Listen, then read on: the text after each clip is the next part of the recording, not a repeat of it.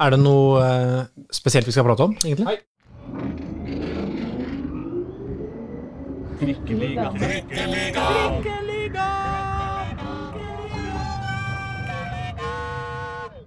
Mine damer og herrer og andre, velkommen til Drikkeligaen sesong 2, episode 32 av vårt eminente uh, stykke lyd og um, fotballintelligens eh, fra Dagsavisa. Jeg heter Aslak Borgersrud, og du heter Reidar Solli, Reidar.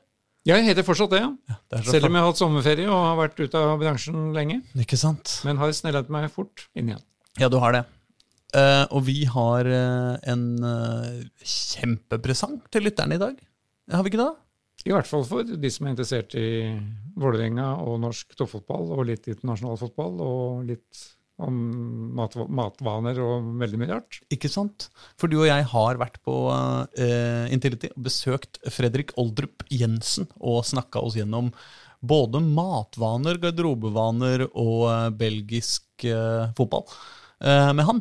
Og dessuten selvfølgelig Vålerengas siste hjemmekamp nå mot Viking.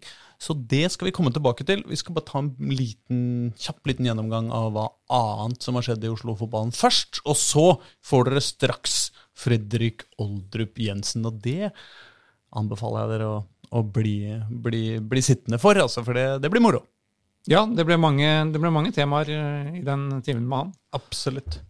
Men eh, først, altså resten av Oslo-fotballen. Jeg lurte på om vi kanskje skulle begynne med Vålerenga damer? Er det der? For dem har jo vært ute i Champions League-kvalifisering siden sist. Ja, for sånn i det store bildet så er jo de som egentlig svever høyest i hierarkiet. Eh, De, de er én motstander unna å komme inn i gruppespillet i Champions League. Ikke sant? Og det er et økonomisk veiskille. Hvis de skulle klare Hekken, som er siste, bokstavelig talt siste motstander, mm. eh, på den veien, for mm. som de da skal møte i to kamper. Og det, nå er jo det, det ble da i dag den første kampen fastsatt til 1.9. på Intility, altså onsdag neste uke. Mm. Så rett før Norge møter Nederland i VM-kvalifisering, så møter Vålerenga Hekken i første kamp på, på Intility. Returkamp i Göteborg uka etterpå. Ja. Dette blir dramatisk etter den vann, vannpordokampen som Vålerenga hadde, hadde i Hellas på lørdag. Ja, Jeg snakka så vidt med noen av dem. De kom hjem klokka tre natt til søndag. Mm. De vant 2-0 i en eh, nesten meningsløs affære. Første omgang tok vel halvannen time. Sannsynligvis hadde de fortsatt våte underbukser når de eh, var landa i Oslo. Ja, det har ikke jeg fått sjekka, men eh, sannsynligheten er stor. Men det var da Janni Thomsen som sendte den første ballen i mål, og så var det den uh, straffemålet til Elise Thorsnes da helt på slutten Mm. som spikra den seieren. Det hevdes at Elise Thorsnes uh, er på straffespark som Kjetil Rekdal, at hun aldri bommer. Mm. Det skal vi finne ut om det er riktig. Men uh, Vålerenga er ett hinder unna, men Hekken blir ikke noe lett motstander. Det må vi være klar over. Ja. Nei, det, I fjor var det jo Aalborg, og det gikk jo til helvete for Vålerenga damer. Så i år blir det Hekken, men eh, det er jo til og med for de Brønnby tenker jeg hvis det var i fjor. Unnskyld, Brønnby. Det var eh, Det var iallfall Ja, det var, beklager. beklager. nabolandet. For vaksinerte blir det jo til og med da mulig å dra på bortekamp eh, hvis de har lyst. Eh, Det er jo en litt lang tur etter jobben, kanskje, men, eh, men eh, Göteborg er en fin by, da. Göteborg er koselig, da. Og så trener jo Per-Mathias Høgmo, har tatt over herrelaget der. Så det er jo en det er en historie i seg sjøl. Men ja. vi kan jo be om et eksklusivt møte med han etterpå. Nok om det. La oss dra til herrefotball. Uh, skal vi begynne på toppen, da? Ja, altså Vålerenga Viking snakker vi vel om etterpå. Ja, det får vi eh, ta med, ta med Oldrup. Ja, Eh, så vi, la oss eh, gå til Obos. eh, Obos-ligaen hadde da en spennende runde mandag kveld. Mm. Vi var da til stede på begge to. Først da KFM som hadde Sandnes Ulf på Mm. Ekeberg. Mm. Sandnes Ulf under sin ganske flunkende nye trener Bjarne Berntsen, Oh, ja. som hadde ledet Sandnes Ulf for andre gang.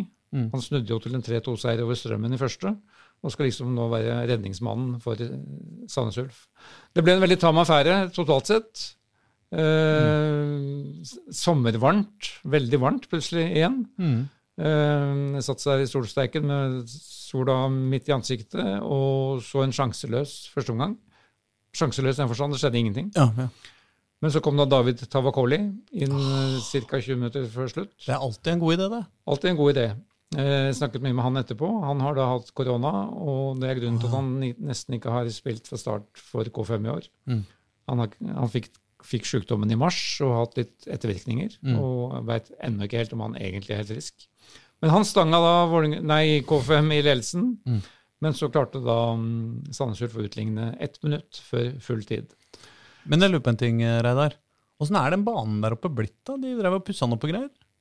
Ja, så de har, eh, de har, de har pussa opp sin gamle Ja, ja, ja. bane provisorisk. Ja, jeg mener ikke sjølve KFUM Arena, kommende store, store Nei. tribunen, men eh, den der lille tullebanen ved siden av Nei, altså, veien der. Som i KFUMs navn, det føltes som, litt som å være på speiderleir.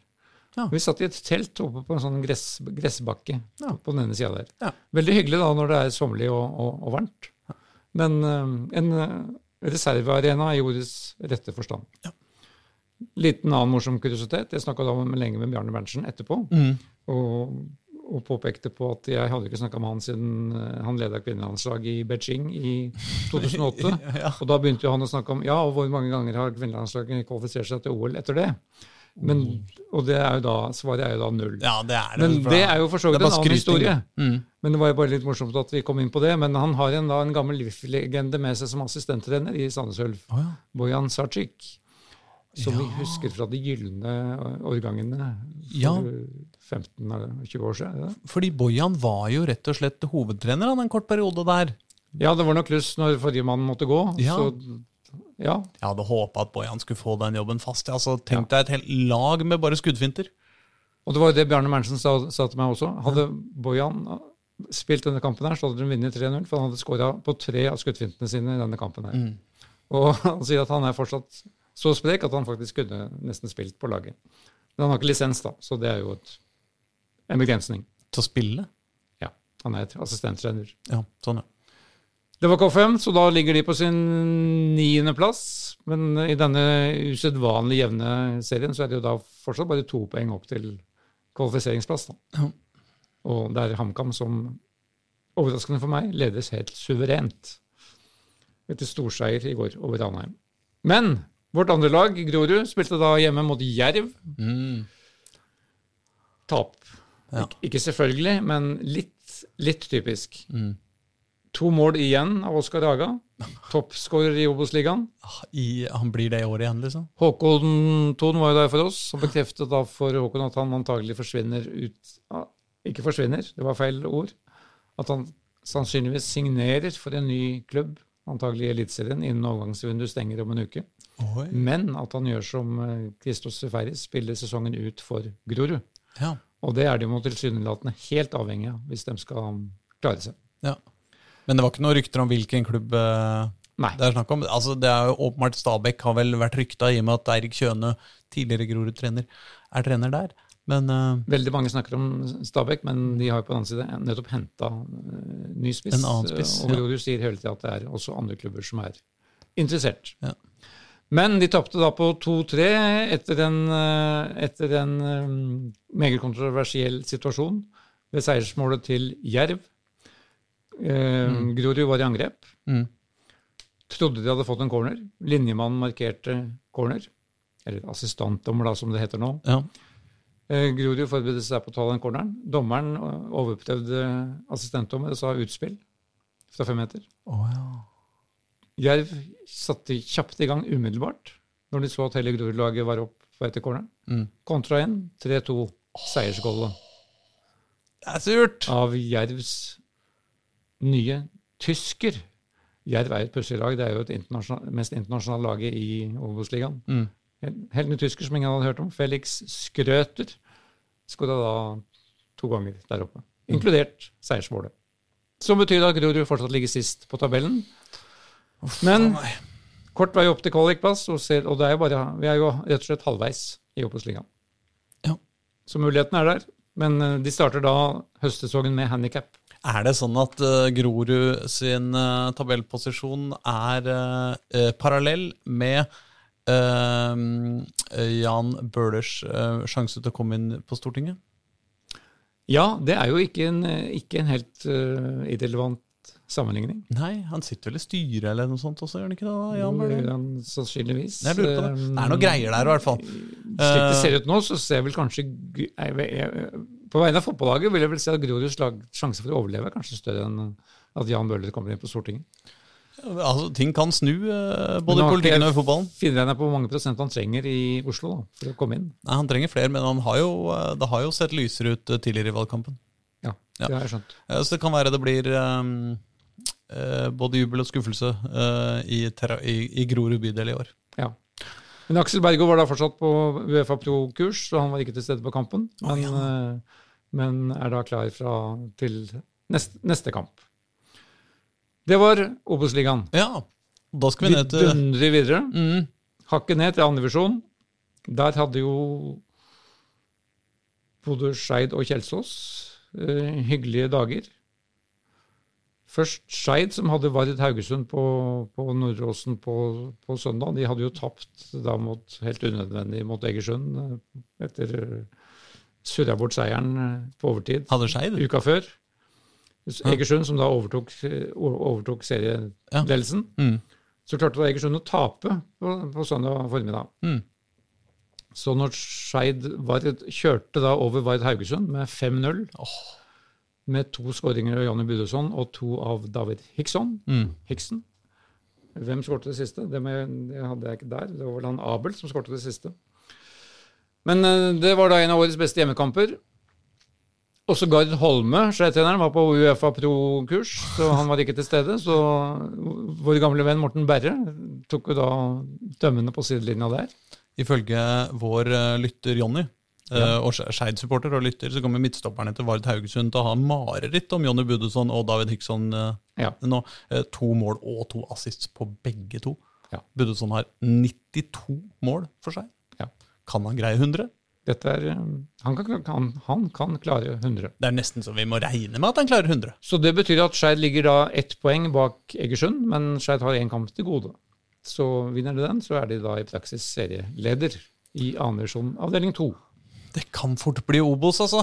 Det Kan fort bli Obos. Så har de da den pussighet at de møter Vard Haugesund igjen kommende lørdag. Det er Litt originalt serieoppsett. Jeg vet Ja. ikke hvorfor det skjer, men de, vi får da en sjelden naturgresskamp i Haugesund kommende helg. Ja. Og da er det jo alltid sånn at man vinner jo ikke 5-0 to kamper på rad. Men for seg handler det om å vinne, i hvert fall vinne kampen. Ja. Trenger ikke vinne med fem. Men eh, Men det er hyggelig å vinne med fem, da. veldig hyggelig. Ja. Veldig moro for de som var der. Dagen etter, Kjelsås fikk sin første seier på ja, det er over en måned, tenker jeg. Ja. Mot Rosenborgs annetlag der oppe i Trondheim, på Åh. deres lille, lille reservebane. Vel Koteng Arena, det der kanskje, eller? Nei, den heter ikke det. Å, Den, Rosenborg Dame spiller på Koteng Arena. Ja. Men eh, Kjelsås har jo da fornya laget sitt litt, og har henta Ole Erik Midtstu- Midtstuen fra, fra Midtskogen, dessverre. ja. Nei, dessverre, sier jeg. Som, uh, som jeg uh, fulgte jo mest da han var i, uh, i KI eh, på Færøyene. Ja. I Klaksvik. Men nå var han vel på HamKam, eh, HamKam etter det. Ja, og har vært litt her og der. Ja. Han har vært han, i Skottland og sånn, og mye rart. men han skåret iallfall to mål Mm. mot Rosenborg. Har nå fire mål på tre kamper. Må jo sies å være en suksess for Kjelsås. Absolutt. Og litt deilig. altså Rosenborg 2 ligger sist på tabellen, Mm.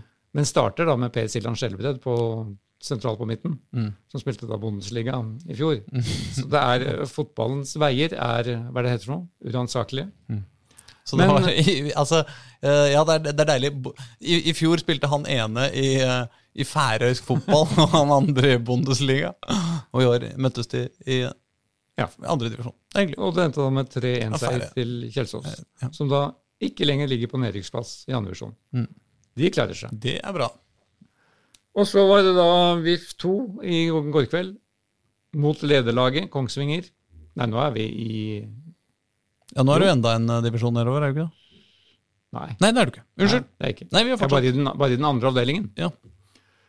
Um, Henrik Udal, vår gamle trikkeligavenn, Ja. skåret det første målet for Vålinga. Bra. Fredrik Holmé det andre. Ja, Bra. Bra. Men Kongsvinger topper da ligaen, og den evige unge Adem Gyven fikk da straffespark på overtid og satte det kontant i mål. Dårlig. Vålerengas nye, nye keepertalent. 197 cm er han vel. Martin Sjøeng, Ja. som er den nye som er, Han er vel også da reservekeeper på A-laget. Ja. Ja. Han er ikke helt ny heller, på en måte, men han har vært, eh, han har vært, han har vært tredjekeeper lenge og rykka opp til andre. Stemmer. Eller lenge og lenge, han er ung. Men Kongsvinger er jo, dem skal jo holde til litt, litt høyere i systemet. Men Enkelte i Vålerenga, i og rundt Vålerenga syns at nei da, det skal de ikke. Nei, det skal de ikke. Det Men, uh, men Vålerenga totalt sett så størs, de syns det var en grei prestasjon, kampen mot Kongsvinger. Du, Skal vi ta oss og dra oss til Intility nå, eller? Nei, vi må feie gjennom tredjedivisjon. Ah, unnskyld. Vi må ikke glemme den ordentlige breddefotballen. Det er breddefotballen vi skal til nå. Altså, Vi har ti Oslo-lag. Nå skal vi ta vi skal ikke ta en halvtime om hver. Jeg bare teaser pub, pub, de lytterne, så de skal huske at vi snart får møte Fredrik Oldrup Jensen. Da, vi husker, vi hadde jo Henrik Udal her uh, før sommeren, og han, han visste jo mer om disse andre tredjedivisjonslagene enn, det vi- enn det vi gjorde. Ja, ikke sant? Og det bekrefta jo Oldrup Jensen òg, at han fortsatt var tett på norsk breddefotball. Vi tar det kronologisk, vi, med avdeling 1 og nedover. Ja. Så tar vi det kjapt, for at det Groruds annetlag spiller da i avdeling 1. Tapte 0-3 for eh, serieleder Gjelleråsen, ah. som jo er i vår randsone når det gjelder uh, Trikkeligaen. ja, ja det, er, Det er jo det bare en liten busstur opp, der. Det er en slags drabantby, det også. Ja. Um, der skjedde altså, det Pussige der var at Christos Safaris, som Grorud nettopp har solgt til Haugesund Mm. for neste år, men spiller i sesongen, han spilte da for annetlaget på lørdag, og så spilte han for førstelaget i går. Oi. Så han er aktiv i tjenesten. De skal virkelig vri ut eh, den siste dråpa av eh, den uh, jordfresersitronen. Men, og Nikolaj Ristov, som også har vært mye innom A-laget, han klarte da på, på seg rødt kort i den kampen, som bidro til det tapet der for, for Gjelleråsen, hvor en gammel VIF-keeper, Petter Karlsen, for øvrig står i, i mål. Um, og var en av dem som skapte det andre gule kortet, som da Kristoff fikk da han måtte, ble utvist. Ferdig med det. Vårt nye ferske lag i avdelingen, Stovner. De slet jo tungt, hadde sin andre hjemmekamp, tapte 0-2 for Brumunddal. Det har vært litt bråstopp med kampoppdateringene på Stovners hjemmeside, så den kampen må jeg bare innrømme at den vet vi ikke all verden om. Men eh, de står da uten poeng så langt. Kjell Sverre Hansen Volds lag. Vi skrøt så fælt av eh, websidene til Stovner fotballklubb eh, her i forrige uke. Ja, så det. det er vel, eh, de fikk vel prestasjonsangst. Sannsynligvis. Avdeling to. Der er det bare Oppsal vi har med i, i ligaen der, men de er da meldt seg på i toppkampen etter at de slo Porsche. Bra, 2-1. Oppsal! Sånn skal det være. Eh, veldig bra. Og, og her tok Porsche ledelsen, ja, mens, mens Wilhelm Adra og Daniel Tavakoli Jeg må jo sjekke ut om det er noe slektsforhold mellom den tidligere omtalte. Det er vel en viss sjanse for at vel, eh, men, men sånn skal vi egentlig ikke sitte og lure på. Sånn skal vi vite. Ja, det men det skal vi skal komme tilbake til. Store skandalen her var jo at Direktesport, som har eh, rettighetene til tredjevisjon, ikke klarte å sende denne kampen. mm.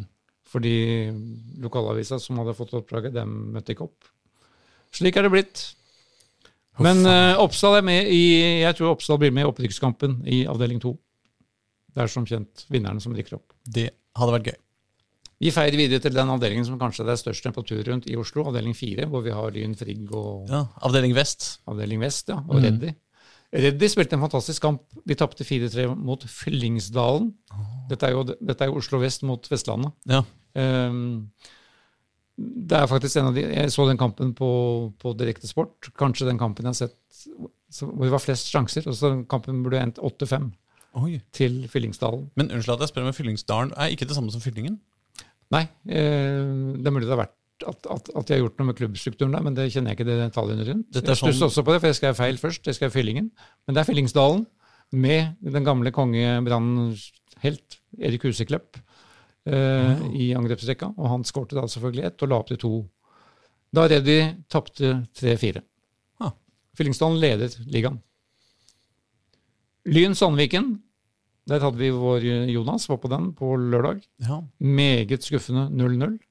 Jeg har aldri sett mer banning på Twitter fra Lyn-supportere enn etter den kampen. der. For nå er de i ferd allerede med å at, Å være hekta av. være hekta. De har tre øverste kamper, og det går ikke. Og det er ikke lenge igjen. Det er jo enkel serie, så det er jo, det er jo bare til elleve kamper igjen. Ja. Så dette holder ikke Lyn. Igjen hadde de skapte masse sjanser, og, men de, de setter dem ikke. Så Lyn-trener Bent Inge Johnsen vil jeg tro er ganske desperat. Mm. Kanskje Kjetil Wæler må ikke bare Ja, sånn, ja. han, han kan jo faktisk brukes. Han har lisens til å spille. Ja. Men nå vet jeg ikke om det er Det er vel ikke Forsvaret knipet, først og fremst. Det er uh, framme. Nei, altså Nå som de har fått så mye penger òg, hvis, eh, hvis det fins en egen odds på hvilken uh, Oslo-fotballtrener som får sparken først, så nei. Jeg bare tuller, Bent Inge. Ja, ja, ja. Nei da, han uh, Nå skal de vel til Bergen Jeg tror de har Fana, de har Fana nå borte på, på lørdag. Mens derimot deres nabo fra Major- Majorstuen-krysset, Frigg, Mm. de feier videre. De slår Bjarg, som også er fra Bergen, 6-0 på Tørteberg. Um, Ulrik Ferrer, som da kjemper om spissplassen på Frigg, han skårte hat trick. Fordi han spilte da fra start, fordi da deres meget kjente, berømmelige spiss, um, han eh, Kaba Nå snakker du veldig sakte til, Ja. å, til å ha en så berømmelig spiss. Jeg snakka, snakka, så, snakka så fort øh, Snakka så mm, Jeg snakka for fort for mye, var det jeg skulle si. Så Vital Kaba, Ja. deres gamle toppskårer fra tre år siden, Ja. han var da ute pga. karantene ja. i disse koronatider. Han som er tilbake, Han som er tilbake i Frigg, og som bare pleier å score i Frigg. Nemlig. Mm. Etter at han ikke fikk det til i Arendal og Skeid. Men Ulrik Ferrer har det da, er også en klassisk Frigg-spiss som har skåra mye før, og kom inn da inn og satte tre mål. Det. Så Frigg er med i opprykkskampen. Og kan ha Lyn for øvrig i nest siste serierunde. Men da er det kanskje avgjort for lengst. Det, vi, vi får håpe det ikke er avgjort. Altså, Tenk så deilig å ha Lyn Frigg i en avgjørende kamp eh, mot slutten av sesongen. Ja, vi må må håpe på det. Siste avdeling, avdeling 6, Nordstrand-Ullern 04. Som vi vel også kommer inn på så vidt, med, med Fredrik Goldrup Jensen og cupkampen Vålerenga hadde mot Ullern. Ja, det er sant. Um, men Ullern er da um, det nærmeste vi er en serieleder i Oslo-fotballen. De er ubeseira i ligaen Mm. og har like mye poeng som, som serieleder. Som er Hvem var det? Junkeren, tror jeg. Det er så mye lag, vet du. Nå er det blitt så mye lag. vet du, er Junkeren fra Bodø leder den avdeling seks, men både de og Ullern og ikke minst Lokomotiv Oslo har uh, sju poeng. Og er med. Og nevnte Lokomotiv Oslo, denne studentgjengen fra NIH med nordvestlendinger. er det Ja, noe sånt. De spilte da 0-0 oppe i Narvik mot Mjølner. Og gjør at de som sagt fortsatt er ubeseira og er faktisk med i opprykkskampen. Lokomotiv Oslo tror jeg har Norges yngste trenerduo. De er 22 og 24 år gamle. Oi, De skal vi komme tilbake til ja, De må vi komme i tilbake til. løpet av høsten. Ja. Og helt til slutt, lørdag kveld klokken 19.00 på Nordre Åsen, Mm. Skeids annet lag mot Skånland. Og de er vel fra Senja, tenker jeg. Det er, det, er eh, ikke veit jeg. Nei, altså det kom jo da Jeg tror det var 64 betalende her på lørdagskvelden. Det er bra, altså. Så ass. tilbake til den og så på Skånland og fikk se en eh, fartsfylt kamp som endte 2-2. Viktigste for seg var et Matar Ka, som var en veldig lovende Veldig god i seriestarten for A-laget. Mm. Han har vært ute med muskelskade, men han spilte da mm, i, fra start i denne kampen her, som betyr at han er på, han er på vei tilbake igjen. Og skårte også mål, faktisk, denne Ka. Mens den, da Skeids andre mål ble skåret av mannen med det enda finere navnet Jakob Napoleon Romsås. Det er så fint, vet du. Det er så vakkert. Ja. Slik var det. det er, man blir andpusten av å gå gjennom tredjevisjon. Det var lettere under korona. Ja, det var lettere under korona. Så det er vel nye ti kamper lørdag og søndag. Vi gyver på. Vi reiser til Intility og hilser på Fredrik Oldrup Jensen. Det er det vi gjør. La oss gjøre det. Ja.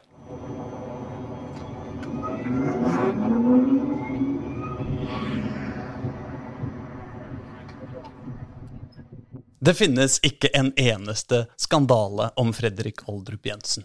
Han er 28 år, oppvokst i Skien og spilte i Odd siden han la hoppskilla på hylla. Var svært sentral i Odds gullalder i sånn 2014, 2015, 2016. Solgt for ekte penger til en bra klubb i Belgia, litt skadeplaga, utlånt IFK, så tilbake til Odd, og så henta av Fagermo til Vålerenga før fjorårssesongen. Nå en god spiller som er fast på laget, men aldri skaper bråk, skandaler eller bøll. Så hvorfor finnes det ikke en eneste skandale om Fredrik Oldrup Jensen? Det skal vi i Trikkeligaen bruke dagen på å finne ut av. Og eksperten vi har med oss, vår sjefsforsker i det mytiske temaet Fredrik Oldrup Jensen, er en 28 år gammel fotballspiller fra Skien som heter Fredrik Oldrup Jensen. Jo, sterk intro. Hallo. Hei, hei. Går det bra? Det går veldig fint. Så eh, det var uh, en fin intro. Så det er bare å følge opp. Ja, altså, vi, vi, vi jeg... Det som er rart med deg, Fredrik, er at når jeg snakker med folk som kjenner deg, eller som har kjent deg, eller som på en eller annen måte har en historie med deg, så, så er det altså så mye moro, ablegøyer og tull og tøys og dill og dall. Hver gang jeg ser en sånn derre video, Instagram-video fra Vålerenga fotball, så kommer det, kommer det derre ansiktet ditt litt i bakgrunnen og helt åpenbart har noe bøll på gang. Men liksom når jeg går gjennom karriera di, så, så er det liksom så lite tegn til det. Skjønner du hva jeg mener? Eh, ja. Har du lest det- Wikipedia-sida di? Nei. Altså, Wikipedia-sida di er universets kjedeligste Wikipedia-side. Unnskyld. Altså, ja, altså, det, dette sies med all mulig kjærlighet, altså, men der står det Fredrik Oldrup Jensen er en norsk fotballspiller som spiller for Vålerenga. Han fikk sin debut mot Lillestrøm 9.4.2012. Etter salget av Magnus Lekven til Danmark ble det tidlig bestemt at Jensen skulle satses på å vokse inn i rollen som sentral midtbanespiller. Oldrup Jensen er en anvendelig midtbanespiller som kan bekle flere posisjoner på midtbanen. Hovedsakelig spiller han sentral midtbane i Odd sitt klare 4-3-3-system. Oldrup Jensen er kjent for å være ballsikker og har godt overblikk for spillet. Ryddig og fint, da. Det er det! altså, hva, hva ja, Det jeg lurer på, da, er er det sånn at eh, Fredrik Oldrup Jensen, altså deg, har, eh, liksom, lever et dobbeltliv? Det er liksom, eh, Du framstår så ryddig og ordentlig og, og sånn utad, men Ja. alt det mørke og det skumle, det holder du, greier du å holde privat på en eller annen måte? Ja, nei, jeg, jeg skjønner. Jeg skjønner hvor du skal.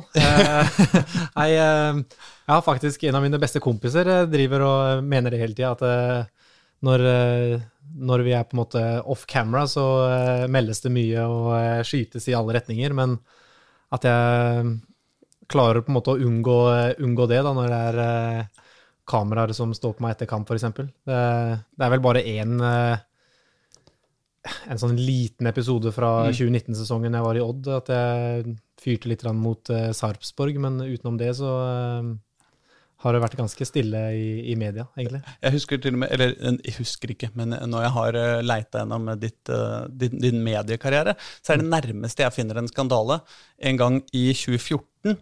Hvor, eh, hvor en, eh, en eh, fyr hadde skrevet en, eh, en kommentar i VG om at, eh, om at uh, Norsk Fotballforbund uh, var for streite og ikke slapp til urokråkene og bøllene.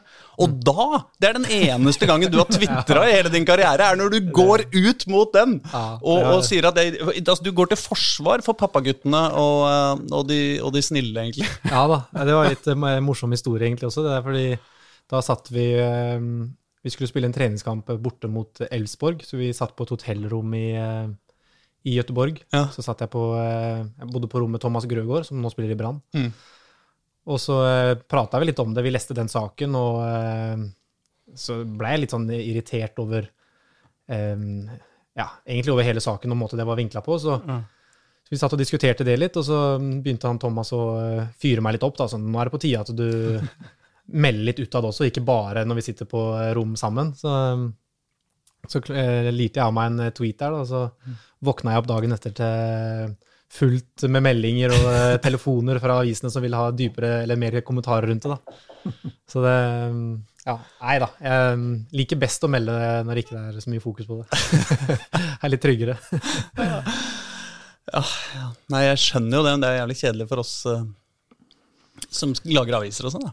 Ja da, det, det skjønner jeg jo, men eh, for å, Hvis jeg skal svare litt ærlig på det også, så uh, syns jeg jo at uh, sånn som eh, på en måte mediene er rundt fotballen eh, i nyere tid, på en måte også gjør det litt vanskeligere for spillere å melde så mye, fordi eh, det blir så fort eh, store saker av det. da. Hvis Ja. du Si etter 90, 90, 90 spilte minutter, eh, så er det jo ikke alltid at eh, den aggresjonen du har inni deg, er eh, 100% korrekt. Ja, ja. Så hvis jeg skal stå etter kamp og si akkurat det jeg tenker, Mm. så eh, kan du se for deg avisoppslaga eh, dagen etter. Og det tror jeg gjør at spillere holder tilbake mer enn det som eh, kanskje folk ønsker å se også, da. Fordi eh, ja, det er, det, er, det, er mange, det er mange ganger at spillere har ting å si, som man sier i garderoben f.eks., Mm. men ikke sier det utad fordi man vet at det da må du være så veldig forsiktig med hva du sier, da, Ja. for at det ikke skal bli en veldig stor eh, sak. Ja, sånn, Hvis en eller annen motspiller har vært sparka deg på leggen hele kampen, liksom, og så Ja, Eller ja, sånne- dommeren er tjukk i ja, huet, eller eller dommere eller eh, motspillere eller eh, ja. Eller medspillere. Eller medspillere. Det er mange av de her, så det Ja, men det er inne på noe. Den største kontrasten jeg kan tenke meg i den sammenheng, er jo en, av dine forgjengere da, på midten i Vålinga, Martin Andresen. Da han var, eh, han var spillende manager der en mm. stund. Men han frest, det freste jo han av sinne og galskap når han var på banen. Og så utafor så var han jo en mann i dress og slips som svarte meget høflig og dannet på, Ja. på alle spørsmål. Det var noen ganger det som filteret ikke rakk, rakk helt til, han eksploderte litt etter kampslutt. Men eh, i all hovedsak så klarte han å skille rollene, da. Ja da, nei, det blir litt sånn, men eh, jeg skjønner jo det at man eh, når jeg, Hvis jeg ser på kamper, eller når jeg var yngre og så på fotball også, så, så ønsker man jo selvfølgelig også å se de ærlige meningene og den eh, måte spontane reaksjonen etter en kamp, men uh, da syns jeg kanskje man skulle hatt uh, på en måte Om du sier noe som er litt sleivete, eller uh, som ikke er helt politisk korrekt, så Ja. skal man kanskje tåle det, da, syns jeg. Men, Ja. så, som du sier, så blir det ganske, kan det bli ganske slitsomt da, i, i sosiale medier hvor alt eksploderer så kjapt. Og Ja. Du kan ikke forholde deg til alt som, som, som kommer der.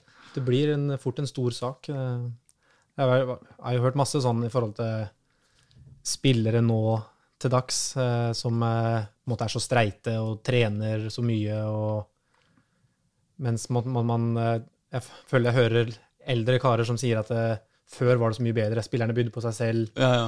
røyka i garderoben og alt sånn, men Det savner jeg ikke så mye. det, det hadde ikke funka i dag, så det blir litt sånn Altså, den prøvde seg jo i Bergen. Eh, det, det, det, Det eh, uten at Ja, nei. Men, men uh, jeg lurer på, bare eh, liksom em, Nå er vi eh, litt sånn halvspilt uh, serie.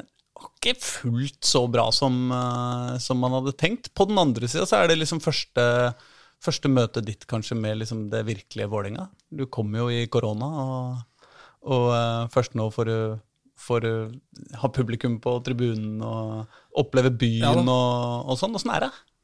Eh, nei, det er som du sier, at det, det er egentlig først nå at jeg eh, merker på en måte ordentlig klubben Vålerenga, føler jeg. Eh, uten supportere på tribunen tidligere, så har du selvfølgelig ja, Du mister så stor del av på en måte den ja, eh, kampdagen og alt rundt. Så eh, det har vært veldig morsomt nå også å spille med supportere. Mm. Eh, men så er det jo også, som du sier, eh, en sesong til nå som har eh, variert for mye. Jeg syns vi eh, i perioder spiller gode kamp, spiller gode deler av kamper, men også hele kamper, uten at vi har klart å sette sammen flere kamper på rad der vi, der vi har det nivået som vi selv mener at vi har inne. Da. Så vi har vel eh, 14 kamper igjen å bevise at vi, at vi er bedre enn det vi har vist til nå. Det var vel en, egentlig en liten oppsummering av det du sier, den siste kampen mot Viking.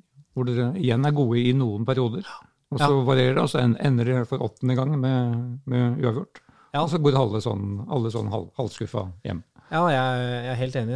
Jeg, syns det um, Ja, jeg vet ikke helt. Det er jo selvfølgelig mange små detaljer da, som gjør at det ikke flyter sånn som vi, sånn som vi håper det skal gjøre. Så um, det er jo ting vi må se på eh, for at vi skal Jeg, jeg syns jo kampen nå mot Viking, for eksempel, så er det en kamp hvor jeg føler vi er ganske langt unna vårt eh, toppnivå. Og samtidig så er vi nært å vinne matchen. Så det, det er litt sånn bittert eh, å sitte med den følelsen eh, litt for ofte, da, sånn som vi har gjort i år. Så det, vi, men det er det kjedelige svaret. Det er ikke så mye annet å gjøre enn å, enn å terpe på det på trening og eh, prate sammen og løse det. Så, Men det var sprøtt, da, for det, egentlig begynte dere ganske dårlig. Var liksom skikkelig på hæla av Viking pressa og sånn, og så skårer, eh, jo Vålinga et uh, fantastisk mål. Eh, og så- men fortsatt er det litt sånn haltende, og så blir det egentlig bedre og bedre og bedre gjennom hele kampen. For, Vålingas del, sånn, sånn jeg ser det, da, så blir det liksom, og liksom når det er 20 minutter igjen, så er det målsjanse i hvert angrep, og alt er gøy, liksom. Men jeg sitter og skriver sånn live-blogg da på eh, tribunen her, Ja. og så i det jeg skriver Jeg er liksom midt i en setning som er sånn Wow, nå er Vålerenga sjukt bra. Nå, kom, nå er det målsjanser og målsjanser og målsjanser. Men da må vi bare huske at Og da kommer det der dumme målet, liksom. Så bare, ja var, var dere litt for hissige, eller? Var, var det litt sånn, det var så, Dere var sikre nok kommet til å komme en 2-0, og det hadde vært ferdig og deilig, liksom? Ah, Jeg vet ikke. Eh, Jeg følte vel egentlig litt sånn hele matchen at vi ikke eh, Litt som du sier, jeg føler at vi var eh, Virka litt sånn tomme for energi. Litt sånn Ikke at vi har noen grunn til det, men det virka som det var litt flatt batteri på flere av oss. Så jeg syns vel egentlig hele kampen at vi ikke hadde full kontroll. Mm. Så når vi da ikke setter de mulighetene som vi har der i andre omgang, eh, så er det alltid en sjanse for at eh, de kommer og så får den skåringa. Så um, Ja, det er klart vi, vi kunne og burde kanskje punktert det der til 2-0, men uh, sånn kampen sett under ett, så syns jeg ikke Jeg syns ikke vi var sånn Syns ikke vi gjorde oss fortjent til å eh, kjøre over Viking, egentlig. Mm. Så uh, ja, jeg prata jo med deg etter, eh, etter matchen, og det sa vel da tydelig at jeg var ikke helt fornøyd med den kampen. Ja, ja, ve ve veldig klar. Jeg, jeg, synes, jeg var litt sånn på avslagsbordet. Jeg syns det var veldig mye bra i annen omgang. Altså når dere kjørte på der, Mm. og hadde fått den andre skåringa, så hadde jo bildet nå vært helt annerledes. Som gjør at jeg oppfatta kampen som altså deres prestasjon som mer enn enn det dere syns. da. Det, syns- det er ikke så ofte det skjer, men det er fascinerende, det òg. Men Spørs kanskje litt på hvem man snakker med. Altså Hvis man snakker Ja. med sjefen, eh, Fagermo, så er det jo så er, Han mener jo alltid det er bra. Og at hvis noen sier at nå har det vært dårlig, så blir han jo fly forbanna på deg. Og syns at du er altså, Da blir man jo Jeg, jeg blir tolv år gammel gutt jeg, i møte med Dag Eilef Fagmo. Men hvordan, hvordan er snak- snakket i garderoben da, rett etter en sånn kamp? Altså var alle, Følte alle at de hadde tapt, eller? Det virka litt sånn. Jeg snakka med Ja. Osama òg.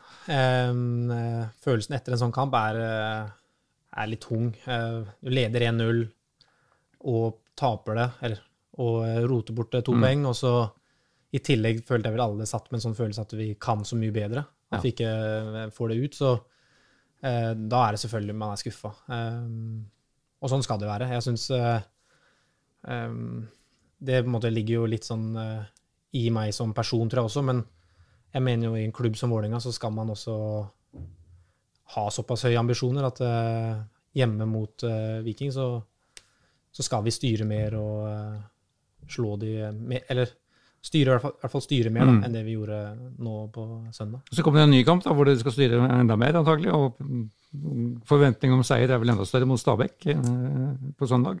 Ja, Så det blir en ny runde, det med å innfri forventninger.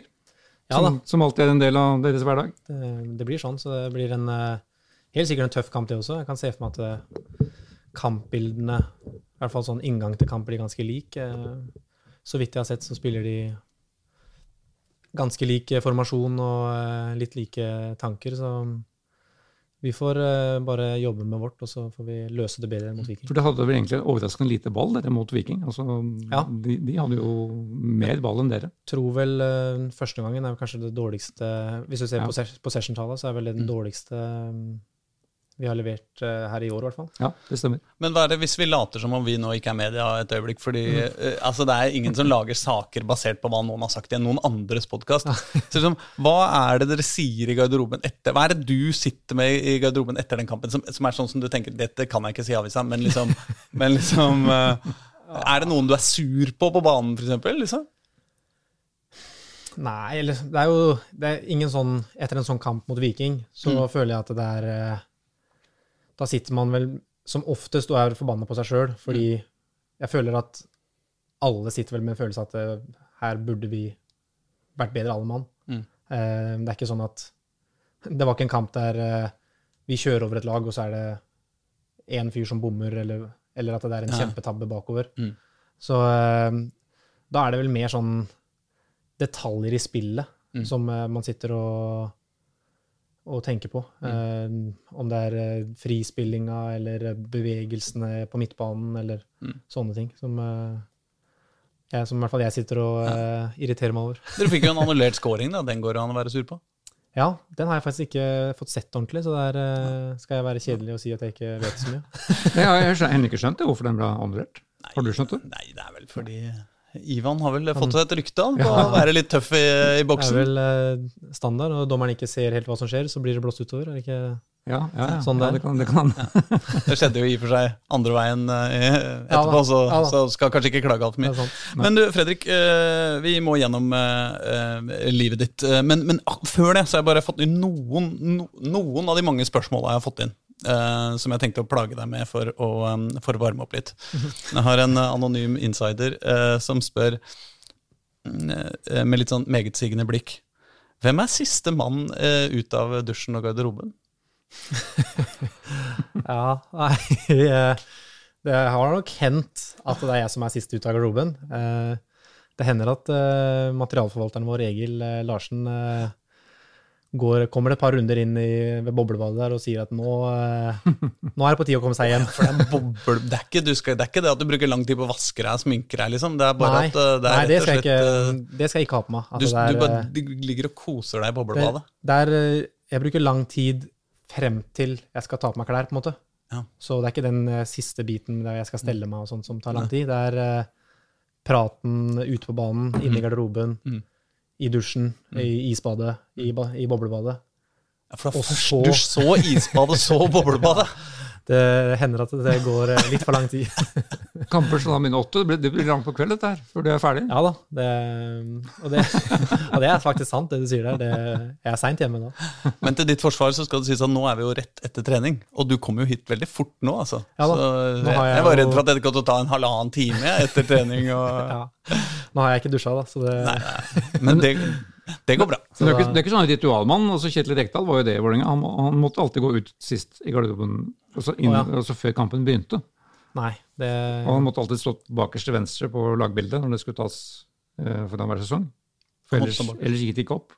Såpass, ja. Men det er, det er ikke sånne Nei, takter du har? nei nei, det er ikke, ikke noen ritualer som gjør at jeg må sist ut i garderoben. Det er mer eh, ja, dårlig tids... uh, Dårlig bruk av tida, Ja, ja, ja. rett og slett. Jeg har dessuten i all min research uh, sett at du uh, var humanistisk konfirmant. Mm. Så du er mest sannsynlig tror ikke på så mye rart. Nei, jeg gjør ikke det. Er Heller ikke for eksempel sånn med å ta Ikke rart, altså, men jeg, mener- altså det, det Så da er det kanskje heller ikke sånn at du må ha på den venstre strømpen før det høyre leggskinnet. Nei. det- Altså, Svært, svært lite. Det, Jeg har vel eh, bevisst prøvd å unngå alt sånne, alle sånne ritualer. ja. Jeg føler vel at det er eh, Ja, det er mye bruk av energi på ting som eh, ikke er vits. Så det, ja. Neste. Hvem er garderobens mest forfengelige? Nå har jo Aron Mest dratt. Mest forfengelige, det var jo soleklart Aron. Eh, uten tvil.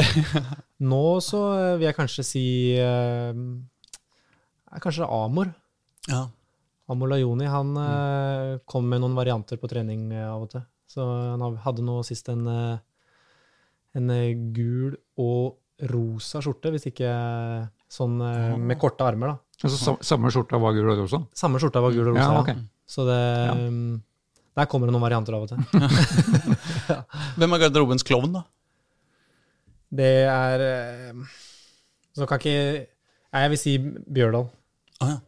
Han, han, han eh, er klovn uten at han eh, vet det selv, på en måte. Mm. Han sier mye rart, rett og slett. For, for eksempel. Eh, mye Han har begynt nå i den siste tida med mm, masse dårlig sånn ordspill. Eh, I dag så hadde vi laks, og så han, kommer han inn fra sida og sier ja, det var flaks. Sånt. Det er, det er på den nivået. ja, ja, det er, så, det er veldig tørt, altså. Så det, er- Jeg syns vi må ha han eh, inn her etter hvert også. og ha- og ha Ordspill, eh, Ordspillkongen. ordspillquiz. Ja. Ja. Hvem eh, er det som oftest mister vannflaska si?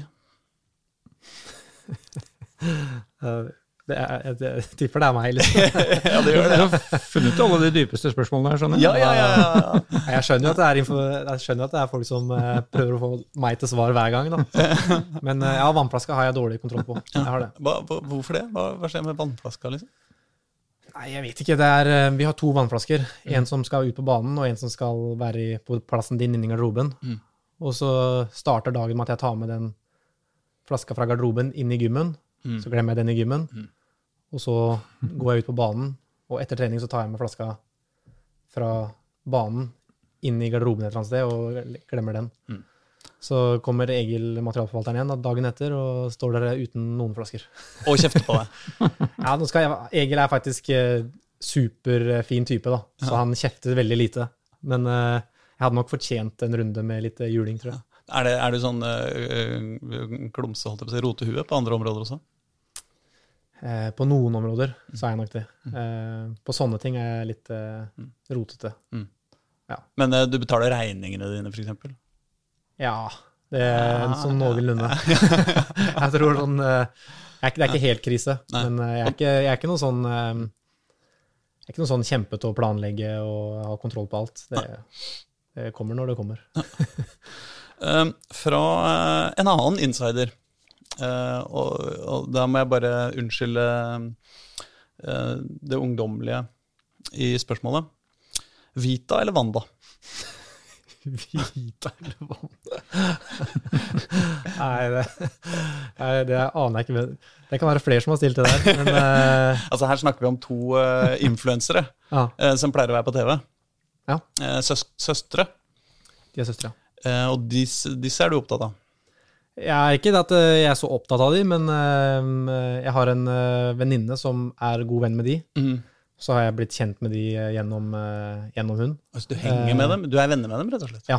Mm. Og så ja, blir jo det Hvis det kommer en story ut at vi henger sammen, så blir jo det selvfølgelig en greie. Da. Så det, det er ja, Så da- dårlig, det er dårlig humor inni garderoben. Ja, så du får, du får tyn for å være han som eh, henger med influensere, Ja, ja. liksom, i Ja, ja. garderoben. Det er jo, det er jo alt jeg gjør, blir, får jeg jo tyn for, da. Ja. Så det, Såpass, ja. ja. ja da. Det er jo, de prøver For oss unnvide, det- dette, dette er den, de som var med i den der militærgreia på TV 2, var det det? Det er korrekt. Det høres riktig ut. Jeg stoler på Fredrik her. i dette Ja, det spørsmålet. stemmer. Kompani Lauritzen, ja. Ja. Ja, men bra, men, men du har ikke noen favoritt av Vita eller Wanda? Nei, jeg har ikke noen favoritt. Um, eh, eh, tilsvarende altså Nå er vi snart ferdig med det aller dummeste i i spørsmålet. Altså. Ja. Men uh, jeg har også blitt bedt om å, om å, om å få topp tre brødskiver.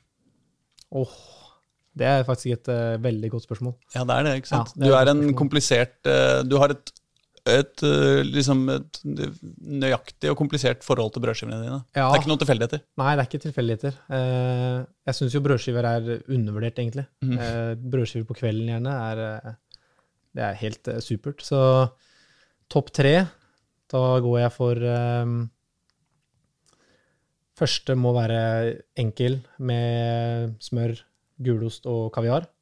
Mhm. Den er jo enkel. Så har du eh, Er det da sånn Mills kaviar, eller er det noe sånn fancy? Mils er Ja, Mils ja, kaviar. ja, det er vanlig. Um, og så har du på andreplassen så kommer eh, også, jeg syns jeg, en ganske enkel en. Det er med smør, skinke i bunnen selvfølgelig, ost på toppen, majones og salt og pepper. Og siste, siste er litt mer eh, avansert, kanskje. Da har du Dette er selvfølgelig det kontroversielle spørsmålet ost eller skinke øverst, eh, men her er jeg på ditt lag. altså. Ja, den, der mener jeg det er klink eh, skinke i bunnen. Mm. Um, den siste er uh, kremost i bunn. Mm. Um, en pepper eller uh, krydder. Mm. Og så har du uh, skinke, gulost, uh, bærbussennep og grillkrydder. Såpass, ja. Og gjerne, da tar du til kveld så tar du gjerne en av de, eller en av hver av de. Og så er det Ja, bare ja, å du skal ha de tre. Berbis sennep, det er sånn, eh, der, der er vi i Skien-land her. Ja, det kommer fra Skien, ja. Så, um, men den, eh, den litt sånn søt variant, den er eh, helt eh, perfekt okay. på skiva. Fantastisk sitat. da. Brødskiver er undervurdert. Det har jeg aldri hørt fra fotballspillere. Nei, det er jo helt nydelig.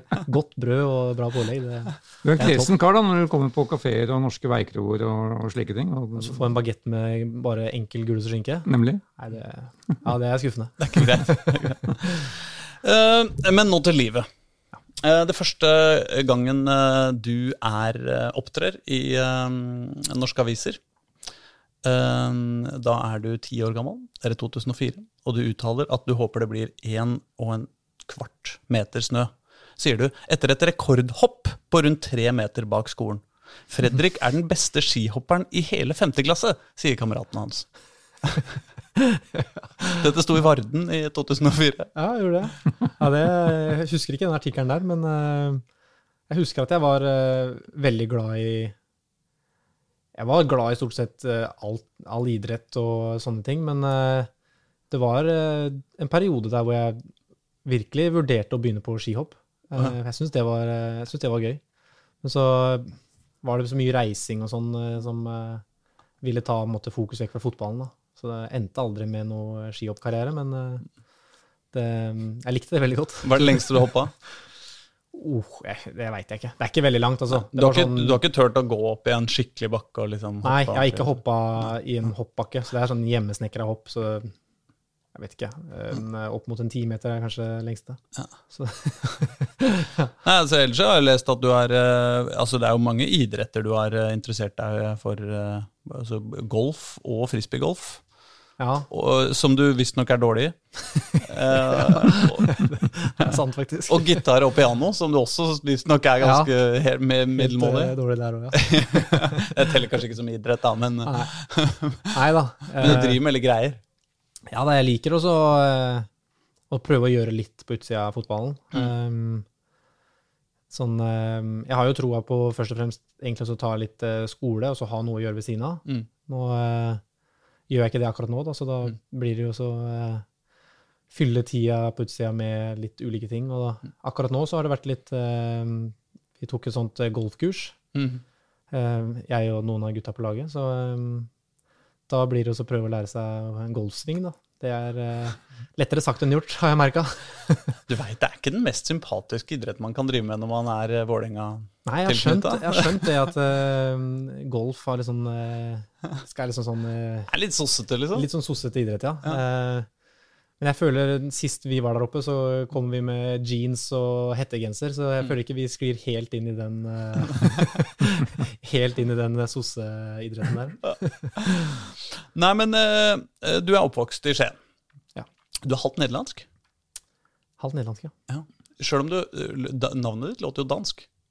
Ja, eh, navnet mitt er ikke tatt fra mamma sin side. Nei, ikke sant? Det er eh, kun fra pappa.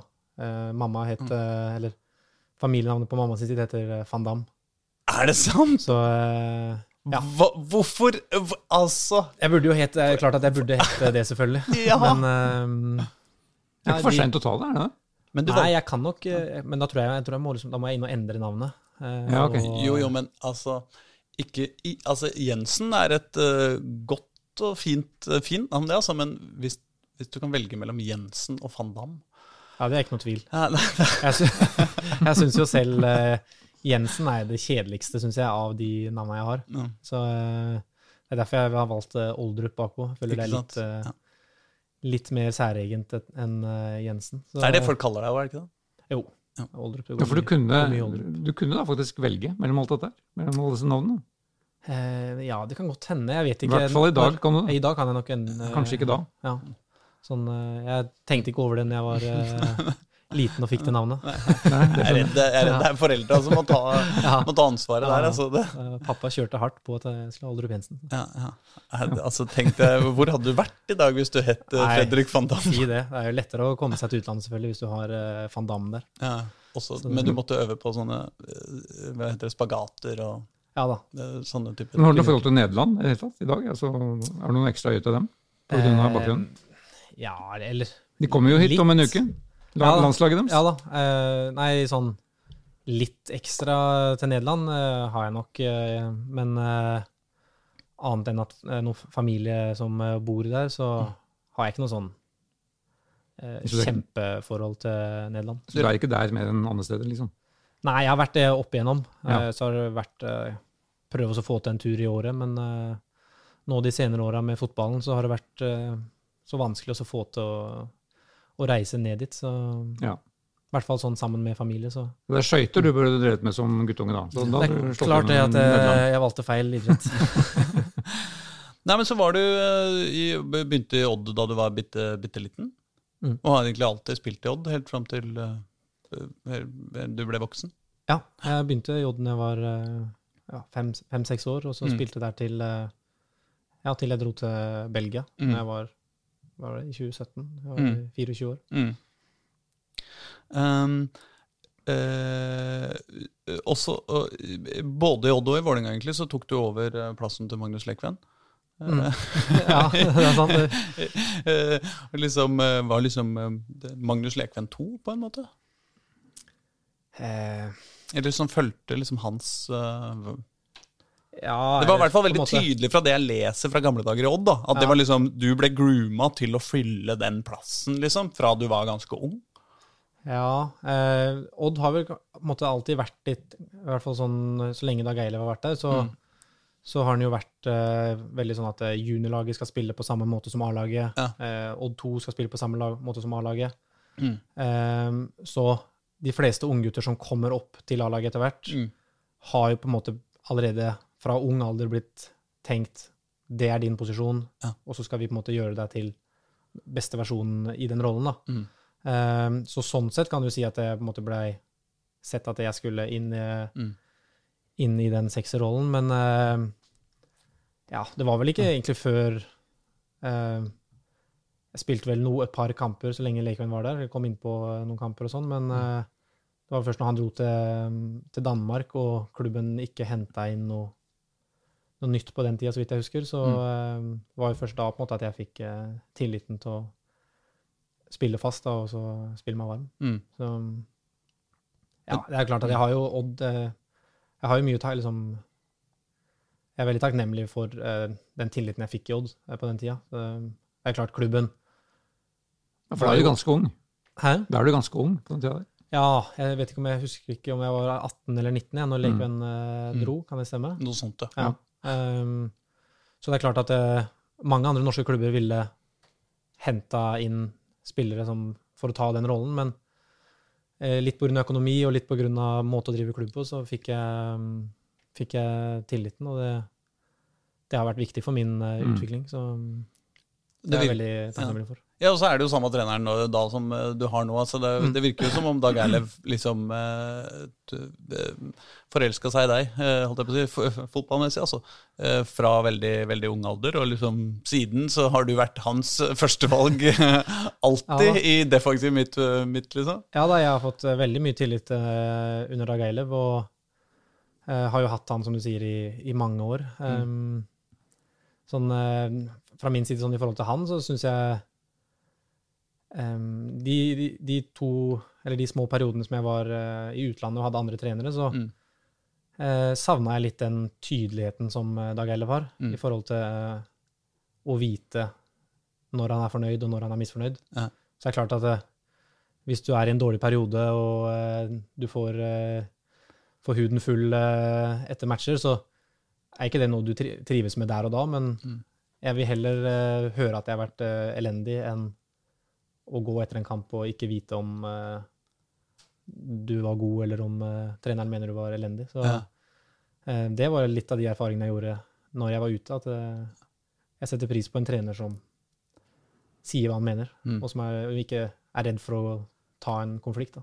Ja, men for Når jeg ser, se, se gjennom, så, så får jeg litt sånn av gamle avisoppslag og sånn, så får jeg litt sånn følelsen av at han, han har bølla deg litt òg. Mm. For to ganger, altså for det første eh, i 2012 eller noe sånt, nei, 13, ja, eh, nei 2013, Mm. så ble du forsøkt uh, signa til Vålerenga. Ja. Eh, eh, hva skjedde da egentlig? Nei, det skjedde vel ikke noe mer enn at uh, uh, jeg, min kontrakt gikk ut etter 2013-sesongen, Mm. så vidt jeg husker. Og på sommeren der så uh, prata jeg med Vålinga om uh, en overgang, og eh, var veldig frista til å dra på den tida. Um, fikk et eh, godt, eller bra tilbud av Vålinga og var veldig nær å så, eh, komme hit. Mm. Og så i ja, egentlig sånn i siste lita så satt jeg vel med en følelse at eh, det ikke var riktig tidspunkt å reise på, og endte med å bli J. Ja, fordi I den tida så sier eh, Eller rett etter da, at du har takka nei, så sier eh, Dag Eilert til Varden Hvis Fredrik hadde forsvunnet, ville det vært mitt største nederlag som Odd-trener. Ja. du, du får på en måte følelsen av at eh, Dag Eilert var sittet oppå deg og bare 'Du drar ikke til Vålerenga! Du kommer ikke på tale, din lille Ikke sant? Sånn. Ja da. Jeg, eh, sånn har det jo vært på en måte også. Dag Eilev er jo en person som krever mye av folk rundt seg. Mm. Eh, så det er klart at eh, det er jo gnisninger Mm. eh, i perioder, og Mm. det er jo perioder hvor, hvor du reiser fra trening og har lyst til å grisebanken, for å være helt ærlig. det er det, ja.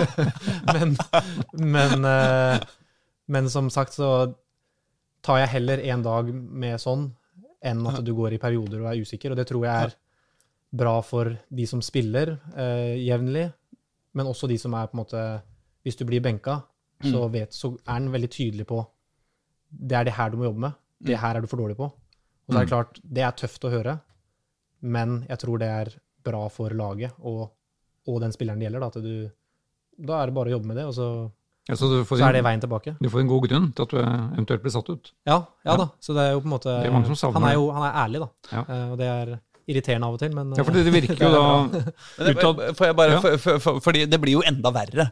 Eh, I 2018, nei, i 2017, eh, så Mm. rett før du ender med å gå, så har jo, er jo kontrakta di i ferd med å gå ut. Ja. Eh, og så er det sånn derre Skal Fredrik eh, Skal Oldrup forlenge? Skal, ikke sant? Ja. Og, da, og da, i hvert fall i media, så sier Dag Eilev Fagermo at hvis du ikke signerer en ny kontrakt, så kommer han til å fristille deg. Han kommer til å gi deg sparken på flekken, og du kommer ikke til å spille en eneste kamp igjen for Odd Ja. hvis, du, hvis du ikke skriver ny kontrakt, liksom. Og så tar det tre måneder, så skriver du ny kontrakt, så går det tre måneder, og så blir du solgt for fem-seks millioner. Tenker ikke på at liksom, Hadde det ikke vært for at Dag Eilev var så bøllete, så kunne du tatt de fem-seks millionene i egen lomme. Nei, eh, de situasjonene der eh, er litt sånn eh, Mitt ønske var jo også at eh, Odd skulle sitte igjen med penger. Mm. Så sånn som det blei, var det jo eh, knallbra. Mm. Um, men det er klart eh, um, For å være ærlig på det spørsmålet også, Mm. for det har vært en situasjon som har skjedd litt for ofte i Odd, eh, etter mitt syn. syn. At, eh, at siste- folk har gått på. Bossmann, liksom. Ja, i hvert fall at man havner i situasjoner der uh, man uh, har mulighet til å gå som bossmann. Mm. At man, eh, det tar kanskje for lang tid med kontraktsforhandlinger, og så Mm. ender man uh, ja, litt sånn på etterskudd, da, der spillere eh, har muligheten til å reise. Så eh, jeg kan, det er jo vanskelig, men eh, jeg føler meg at man kanskje burde vært tidligere ute med å forlenge og, eh, og sånne ting. Mm. Um, men det det er klart det er vanskelige situasjoner, da. Så, Mm. Men der og da så var jeg ikke så fornøyd. Nei, men det, for det er liksom eh, Men du valgte, du valgte jo å komme tilbake til den. Etter at eh, Belgia og Sverige og, og sånn, så, så kommer du tilbake til Dag Eilev. Så, Ja så så ille kan du ikke ha vært. Nei da. Og sånn i forhold til det med Dag Eilev, Mm. det er jo på en måte Det at han sier de tinga, betyr jo også at han ønsker å ha meg i klubben. Mm.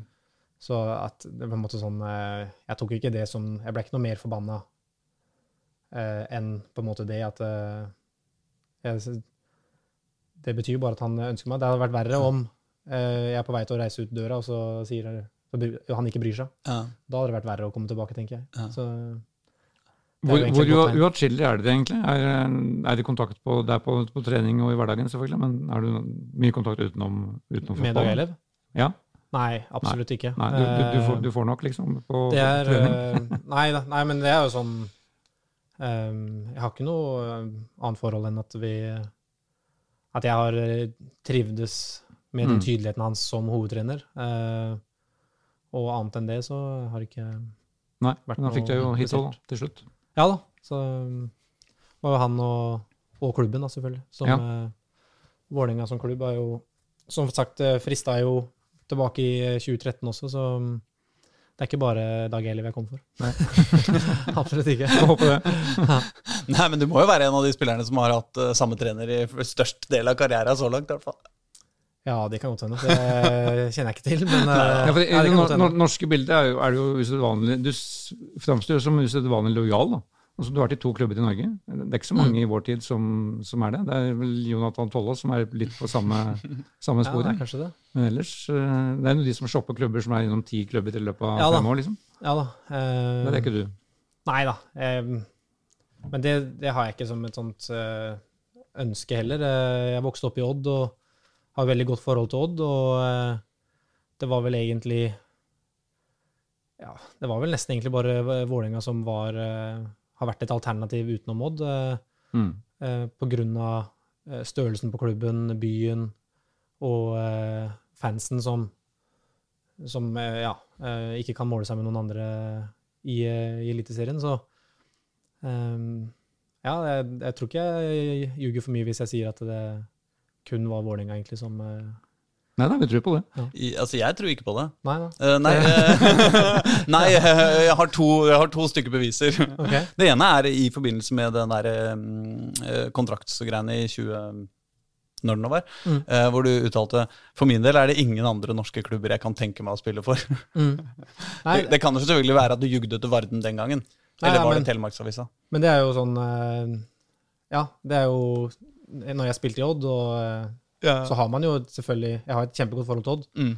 Um, men jeg, det sier jo vel, vel på en måte seg, seg selv at eh, når jeg både i 2013 og i 2020 var nære å dra til Vålerenga, og endte i, i Vålerenga, så Ja viser seg det at det var en klubb som kunne friste. Ja, altså Bevis nummer to er jo at uh, ryktene fra Skienstraktene sier at du har hata Vålerenga hele livet. Det er jo, det er jo, det er jo bare feil. Uh, det er jo Det er klart, når du spiller i andre klubber i Eliteserien, Ja. så ønsker man jo å slå de største klubbene. Ja, Eh, ja. Det var jo samme eh, å tape for Rosenborg, Mm. eh, Vålerenga, eh, Molde. Mm. Det er jo de klubbene du har mest lyst til å slå. Mm. Og det, sånn, var det jo, sånn er det jo med Vålerenga også. Mm. Eh, når du ikke spiller i Vålerenga, så har du lyst til å slå Vålerenga. Mm. Så det Og Der lykkes du, da. Jeg har sett på de fire-fem første kampene du hadde mot Vålerenga i 13-14. Dere vant jo nesten alt sammen hver, hver gang. Ja da. Første, første kampen din var i fe- 5. april 2013. Odd vant 2-0. Da spurte du om Todde Johnsen var på laget ditt, og Det var i Skien, det. det var i Skien, ja. Stemmer det? Uh, Er det sånn som husker noe? Ja, husker jeg tror jeg husker det meste. Ja. Uh, ja, det var første møtet mitt med Gya Saeed. Jeg akkurat. tror han starta den kampen, en av de, kanskje en av de første han sin nå. Ja. Ja, for da spilte Torgeir Børven seg på, på Vålerenga, blant Ja, stemmer. Og Grindheim styrte den. Og Jan Gunnar Solli spilte i Bufta, det hadde jo jeg glemt. Ja. Men det, det gjorde noe.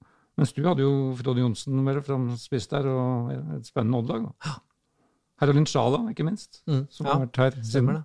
Ja, er dere, er dere barndomsvenner, egentlig? Eller dere var i hvert fall i Eh, ungdommen, så Ja, dere kom sånn, opp samtidig? eh, vi kom vel, begynte å spille i Odd eh, på ganske samme tidspunkt. Så sånn sett kjenner vi hverandre veldig godt. Mm. Um, vi er, han er jo ett år eldre enn meg, og um, vi er fra litt ulike deler i, i Skien. Så Mm. det var ikke sånn at vi hadde et eh, forhold fra vi var, eh, fra vi var veldig små, men Nei. fra vi begynte å spille i Odd, så eh, har vi jo spilt noen år sammen. Ja, for det slo da Vålerenga to ganger i 2013. Vant jo her inne også, 2-1 på høsten.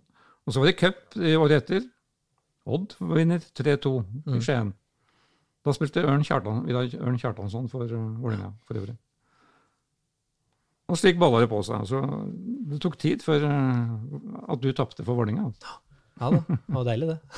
Dere vant jo alt mulig den tida. Altså de der 2013, 14, fem- nei 14, 15, 16 eller hvordan det Mm. var. I Odd eh, så var dere jo et eh, skikkelig topplag. Ja da, vi var, eh, vi var solide på den tida. Vi Mm. hadde fått bygd opp et bra lag og ja, var ganske solide i en treårsperiode der. Vi havna vel på tredje, fjerde og tredje i løpet av 14, 15 og 16. Så, Mm. Og cupsølv var det i hvert fall. og cupsølv, ja. Vi tapte mot Molde i 14. Ja. Så det, mm, vi hadde absolutt et eh, bra lag og mye gode, unge spillere som fikk sjansen. Så mm, det Mm. var veldig, eh, veldig en morsom periode eh, i karrieren, syns jeg. På den tida, eller kanskje litt før, så spilte du også du spilte mye U, eh, U21-landskamper og sånn. Spilte sammen med Martin Ødegaard. Ja. Eh, eh, hvor du eh, hvor du, ble, hvor du, hvor du påsto i et intervju at, at du var blitt en slags farsfigur fra? Gjorde jeg, så, Har jeg lirt av meg det der? Ja, men Det, det, det, det framstår kanskje litt som en slags spøk. Ja, ja det håper Nå jeg, nå jeg husker jeg ikke akkurat hvordan sitatet var. Altså, men, Ja, for det var sånn at han, han debuterte i, Ja, det i din det. siste, siste U21-landskamp Ja, mot Portugal. stemmer det. Vi er tilbake i 2014. Så, ja da. Men men fikk du eh, det samme inntrykket av han som alle andre fikk, liksom, at dette var en egen, dette var noe helt eget? Ja, jeg husker, jeg husker jo det godt, på en måte. Han, jeg vet ikke om han var 15 eller 16 år når han mm. spilte den første U21-kampen der. Eh, og vi møtte et Portugal som kom på andreplass, tror jeg, i Mm. EM eller VM eh, rett etterpå, hvis ikke jeg tar feil, eller rett før. Eh, så det var et bra lag vi møtte på Marienlyst, og han, eh, ja, han spilte en uh, veldig bra kamp og sto ikke tilbake for noen, så uh, Og når du gjør det som en 15-16-åring på U21-nivå, så, så ser du jo at Mhm. det er ikke mange spillere som gjør det. Så det var ikke noe tvil om at det var en, en fyr med litt ferdigheter utapå det som var vanlig. Men i hvert fall i den perioden her så, så er jo Odd et veldig veldig bra lag. og Du er en veldig sentral spiller i laget, og du spiller fast, og du, eh, og du har en, liksom, en viktig rolle. Så det er jo ikke rart at eh, utlandet begynner å bli, eh, bli aktuelt. Men du drar ikke før du er 24? Nei da, jeg gjør ikke det. det um, Har du tenkt på at det var litt seint? Var det litt seint? nei, jeg vet ikke. Det var jo litt sånn Jeg hadde vel Det spørs jo selvfølgelig Det er så mye tilfeldigheter i fotballen også, men Mm. uh, jeg så vel på det egentlig som et eh, veldig bra tidspunkt å reise ut på. Jeg hadde fått, uh, fått uh, en del kamper i Eliteserien og Mm. på en måte følte meg trygg og klar for en ny utfordring. Og um, jeg var vel også litt sånn og tenkte at det var ikke vits å reise ut for tidlig. Mm. Eh, så sånn i mitt hode så var det egentlig et bra tidspunkt å reise ut på. Ja. Så mm, Og da reiste du til en by som er nesten mindre enn Skien? ja, eh, innbyggere så er det vel nesten mindre. Er det ikke- Det er vel mindre, tror jeg. Jeg bare så Jeg 27 000 eller Ja, et eller annet sånt. ikke det, huske- Skien har 50 000, altså. ja, ja, ja, ja, Så ja ikke ikke- sant. Nei, nei, nei, Hvilken, hvilken by er vi i? Hva heter den igjen, da? Varegem. Varegem? Varegem som Varegem, ja. Varegem. Hvordan var, Åssen var det? Um, nei, det er klart Det er litt sånn todelt, syns jeg. Mm. på den ene siden så syns jeg det var veldig spennende eh, med noe nytt og et eh, høyere nivå på fotballen. Mm. ny by, nytt eh, Ja, egentlig tre nye språk, Mm. med både litt sånn fransk og nederlandsk og eh, tysk inni der. Så Å, ikke sant. Utfordrende på mange måter, men, eh, og veldig lærerikt.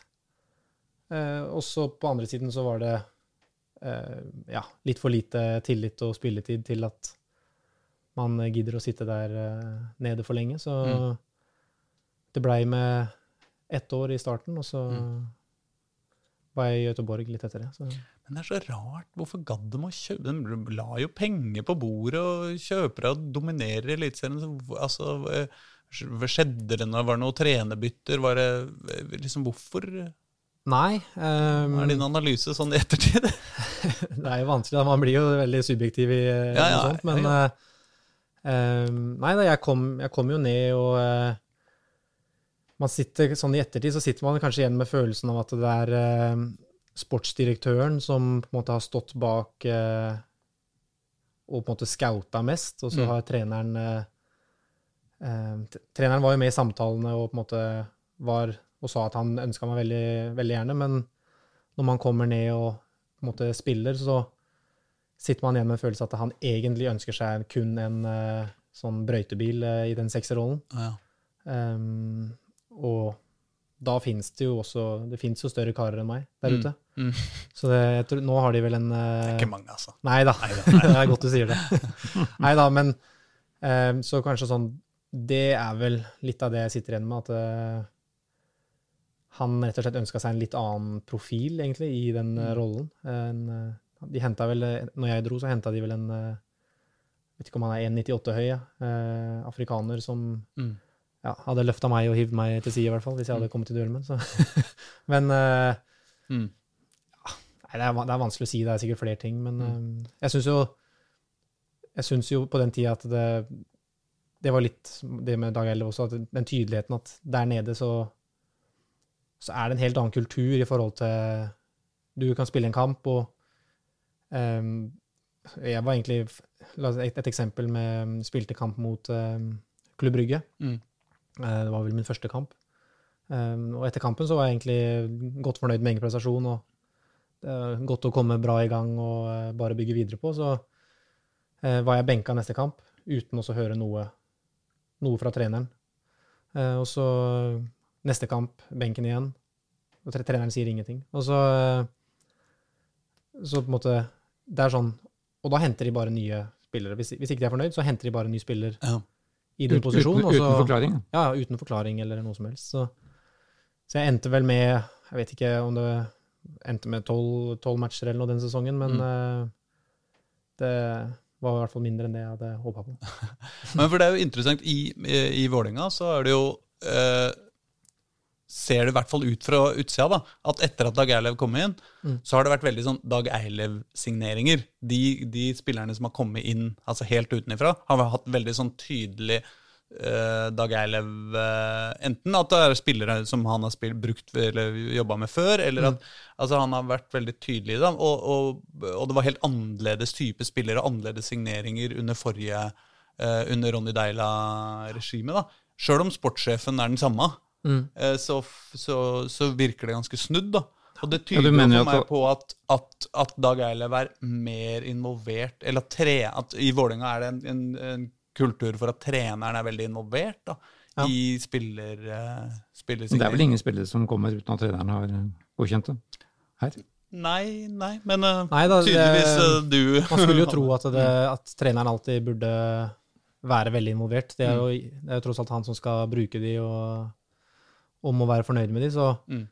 um, men jeg, jeg er nå litt enig i den opp, oppfatninga du sitter med, at, uh, at det er forskjellig i klubber hvor mye treneren er involvert i det. Um, eh, inntrykket mitt fra det oppholdet jeg hadde i Belgia, var veldig sånn uh, at her henter man inn en gjeng, og så bruker man de som de er fornøyd med, og så hiver de de andre ut igjen. Så eh, hadde jo en episode der det var om det kan ha vært to måneder etter jeg kom, hvor vi hadde, de hadde henta en um, 23-åring fra Israel som mm. reiste for første gang ut av Israel. Uh, de hadde en lånespiller fra Juventus som spilte fast på det kypriotiske landslaget, Mm. og en uh, keeper fra Juventus som var på lån. Uh, og da kom kommer vi inn på trening, eh, spiser eh, frokost, sitter litt i garderoben, og så kommer han inn assistenten inn og ber de tre gå på kontoret til treneren. Og det er jo unge gutter der, da. Det er snakk om 23, og jeg tror de andre var 21 og 20, kanskje. Mm. Eh, Og så kommer de bare tilbake, og så pakker eh, sakene sine og går ned på andre laget. Og da har de bare fått beskjed om at eh, de er ikke ønska her mer. Det er tre måneder etter, etter de har blitt henta. Akkurat. De er ikke ønska lenger. og så fjerner de bare fingeravtrykk på en måte sånn at de kommer inn på treningsanlegget. Da. Så da, sitter, da sitter det jo unge gutter som har flytta fra Israel og Italia Ja. uh, uten tilgang til A-lagets treningssenter og treningene. Ja, det, det er rett og slett fysisk utestengt. Da. Ja, ja. Utestengt fra Det er. Så det er jo Ganske dårlig gjort, ass! det er, eh, og, det, og det er ikke noe sånn Det er ikke en historie som står ut eh, i forhold til andre historier jeg har hørt fra, fra utlandet, sånn sett. Så det er litt annen kultur der nede enn vi har her i Norge. Ja, da. Det, det var en liten digresjon nå som Martin Ødegaard. Det var egentlig det samme som skjedde med han da han ble kjøpt til Real Madrid. Ja. Treneren sa jo bare ja vel. Ja, ja han har vel Eh, sagt i ettertid også at ja. eh, Det, han ikke hadde noe med det å gjøre. Men nå, fikk vel, nå ble det vel på sikt en lønnsom investering uansett for Real Madrid. da, til slutt. Ja da. Det, Men det er, det er litt typisk. Det er, altså, jeg oppfattet Fagermo som det er han som bestemmer hvilke spillere han vil ha. Kort og godt. ja da. Det håper jeg. Ja. Um, eh, men men sjølve liksom, hvor- hvor- Åssen var livet der nede? Var det liksom gøy å være Du er jo du, tross alt en ung mann eh, da også. Ikke bodd så lenge hjemmefra, sikkert. Nei da. Og så plutselig så er det Belgia. Li, og liten by òg, liksom.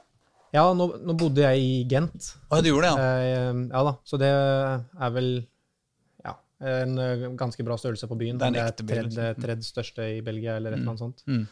Um, så livet trivdes jeg egentlig veldig godt med. Um, Var du aleine der?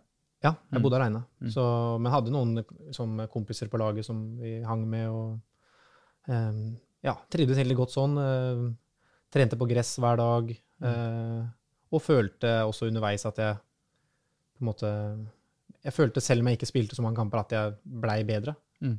Um, så eh, hadde man sittet der og spilt eh, fast, så hadde jeg vært eh, superfornøyd. Men som fotballspiller, så Når man ikke spiller hver søndag, så Ja. blir man rastløs. Så det, Mm. det var jo egentlig kun derfor at jeg, jeg ønska meg videre. Ja. Um, ellers så trivdes jeg veldig godt. Er det da sånn at du går til sportssjefen og sier liksom du, er Går det an å finne på noe annet her, eller? Ja, eller det, det, det blir vel også sånn at begge måte ser at Begge parter ser at det beste er eh, om man eh, kan finne noe annet. Mm. De sitter jo også på en lønningspost som de ikke bruker, og, eh, og jeg sitter der og har lyst til å spille, så Mm. eh, da blei det jo sånn at måte, man begynte å kikke etter andre klubber, og da Mm. um, blei det den beste løsninga, egentlig. Mm. Så, Da ble det IFK Göteborg. da blei det et halvt års lån til IFK Göteborg. Mm. Um, det var vel også sånn Trivdes veldig på utsiden av banen. Uh, Gøteborg, fin by og alt sånn, men eh, eh, vi spilte veldig dårlig fotball det, det halvåret. Så eh, fotballmessig eh, kanskje det dårligste halvåret jeg har vært borti. Er det sant?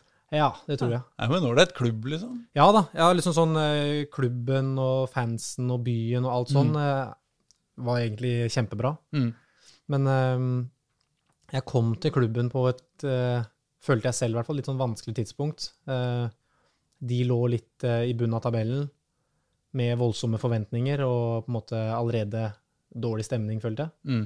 Eh, og jeg kom også dagen etter en hjemmematch mot Sirius, der de leda 2-0, men tapte 3-2 på tre dødballer på slutten av andre omgang. Mm. Så måtte jeg kom til en sånn trykka stemning, følte jeg. Og det merka jeg på de elleve kampene som var igjen eller noe på den sesongen. Så Mm. merka man det at det var en litt sånn eh, pressa spillergruppe, og um, ja Folk eh, ville ikke ha ballen på samme måte som når man spiller på et lag som Ah. er i flyten og har selvtillit. Mm. Så det var uh, Ja, det var en, også, også et lærerikt halvår, egentlig, i forhold til hvor ja, hvordan det er med en, selv, eller en gruppe som ikke har selvtillit. Da, Hvem var det som var Kontra- trener der, da? Da hadde vi en trener som heter Poya Ashbaghi. Jaha. Eh, egentlig en veldig spillende, nytenkende ung trener. Så, Ja. Men eh, på slutten der så måtte vi jo legge litt om og spille litt enklere, da, bare for å så få de poenga. Ja. Men var det hele tida planen at det skulle være et halvt år, og du var helt leiesoldat, liksom? Eh, ja, det var planen. Eh, og så med sånt opphold så veit man jo aldri. Det er ikke utelukka at man Hvis det er kjempematch og alt klaffer, så, så er, var det jo en mulighet for at de kan hente deg. Men mm. uh, sånn som det blei, så ønska jeg meg tilbake til Belgia på det tidspunktet. ja.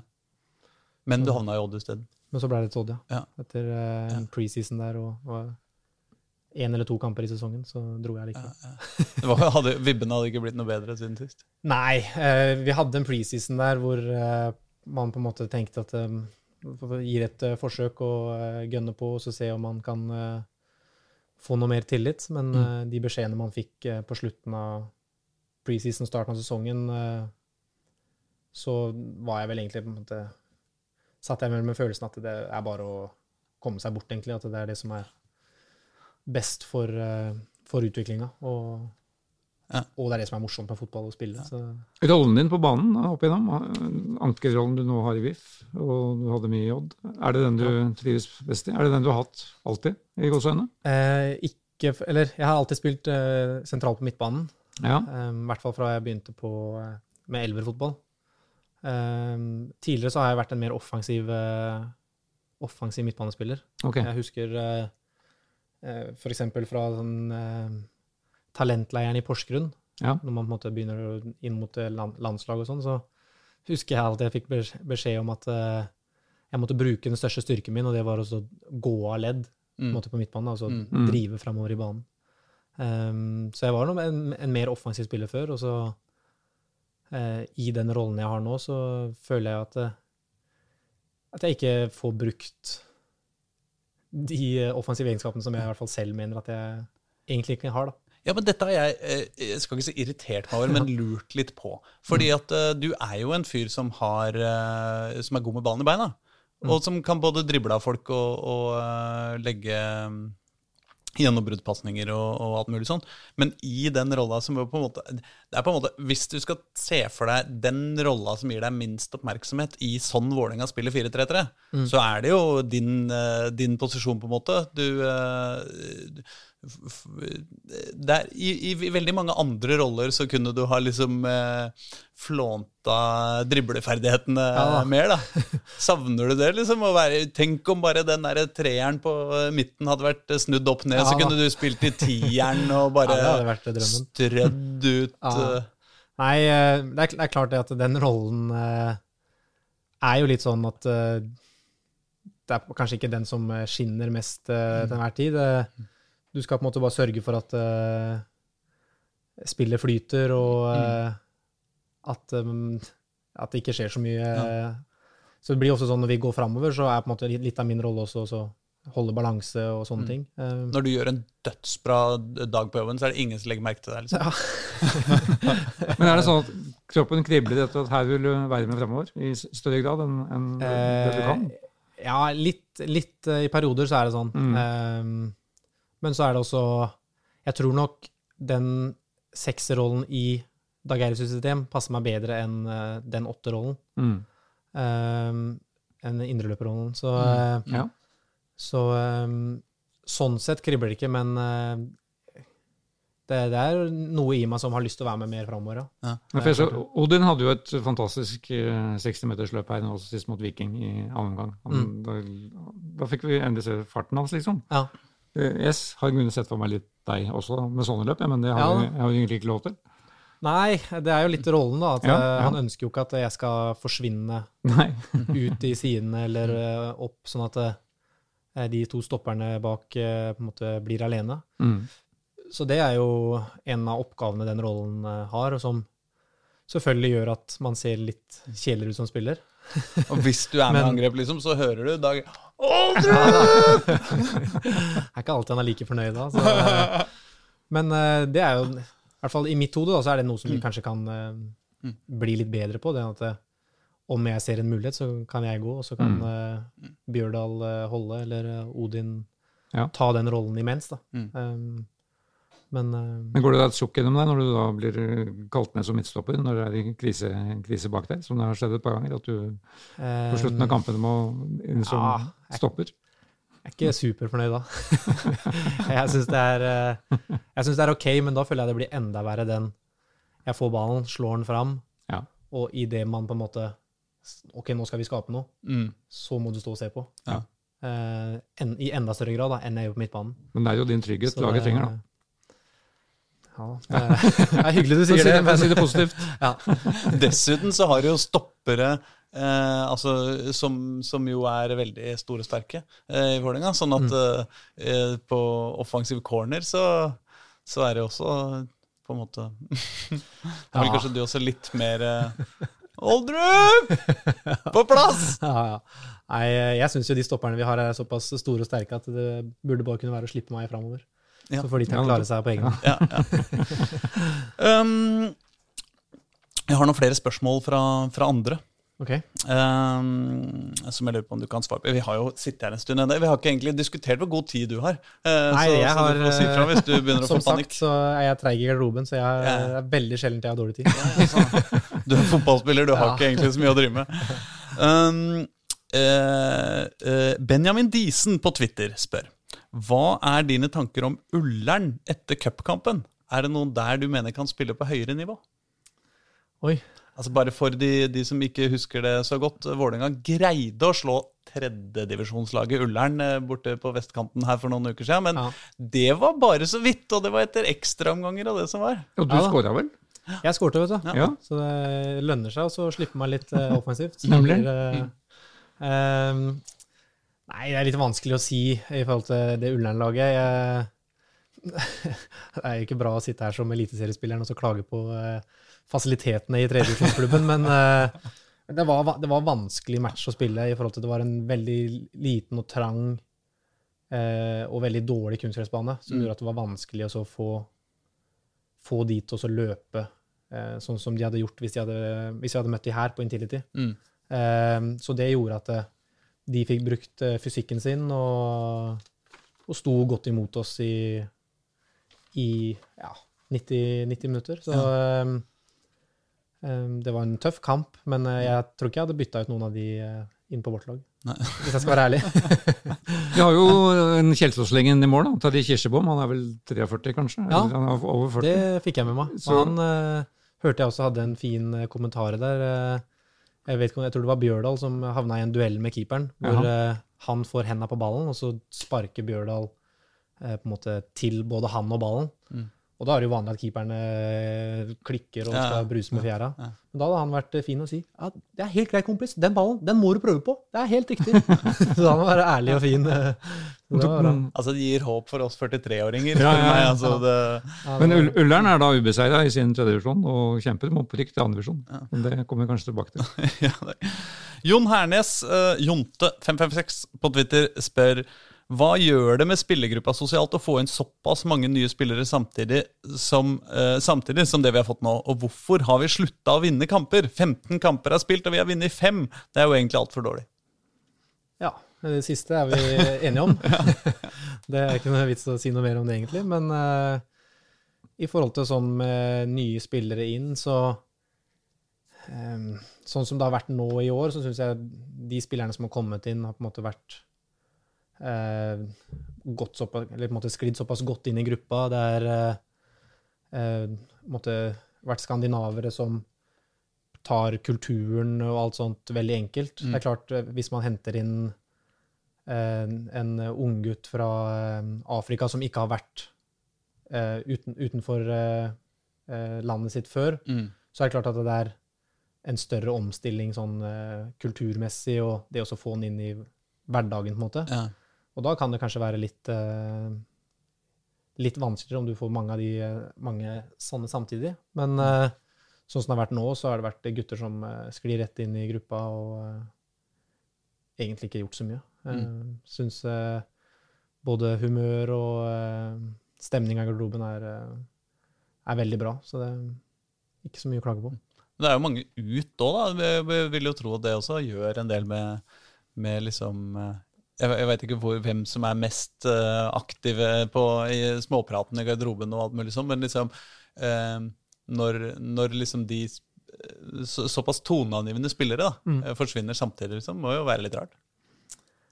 Ja da, det, er, det er jo rart, selvfølgelig.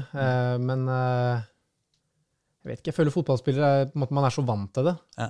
Fordi det skjer to ganger Eller på en måte skjer på Ja. sommeren og det skjer på vinteren Ja. stort sett hele tida. Så det å ta imot nye, og at man må, at man må si ha det til eh, eh, kompiser, eh, Mm. er på en måte såpass vanlig at det, det går stort sett veldig fint. Det Er det er kanskje et større måte, problem sånn hvis du tenker både fotballmessig i forhold til relasjoner og sånne ting. Det, Mm. Jeg ville heller sett på det som på en måte en utfordring enn Mm. det sosiale sånn i gruppa. For det Ja. føler jeg man løser veldig fint. Er det mye snakk om dette internt i garderoben? Altså, nå er det en uke igjen til overgangsvinduet stenges. Det går rykter igjen om Vålerenga skal hente en fra Troms, Um, som jeg skjønte. Og, men eh, dette, dette er jo en del av hverdagen deres, da, som du sier. Ja, men det, det er jo klart, eh, når man leser om det i avisa, eh, så hender det at man prater om det til Mm. frokosten, eh, men ikke noe sånn mer eh, Nei. alvorlig enn løs prat om uh, hvem som er tilgjengelig, og hvem som er på vei ut.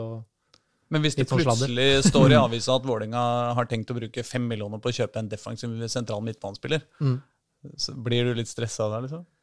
Eh, eh, så det er klart at eh, det, det Sånn er det jo i fotball, at man, mm.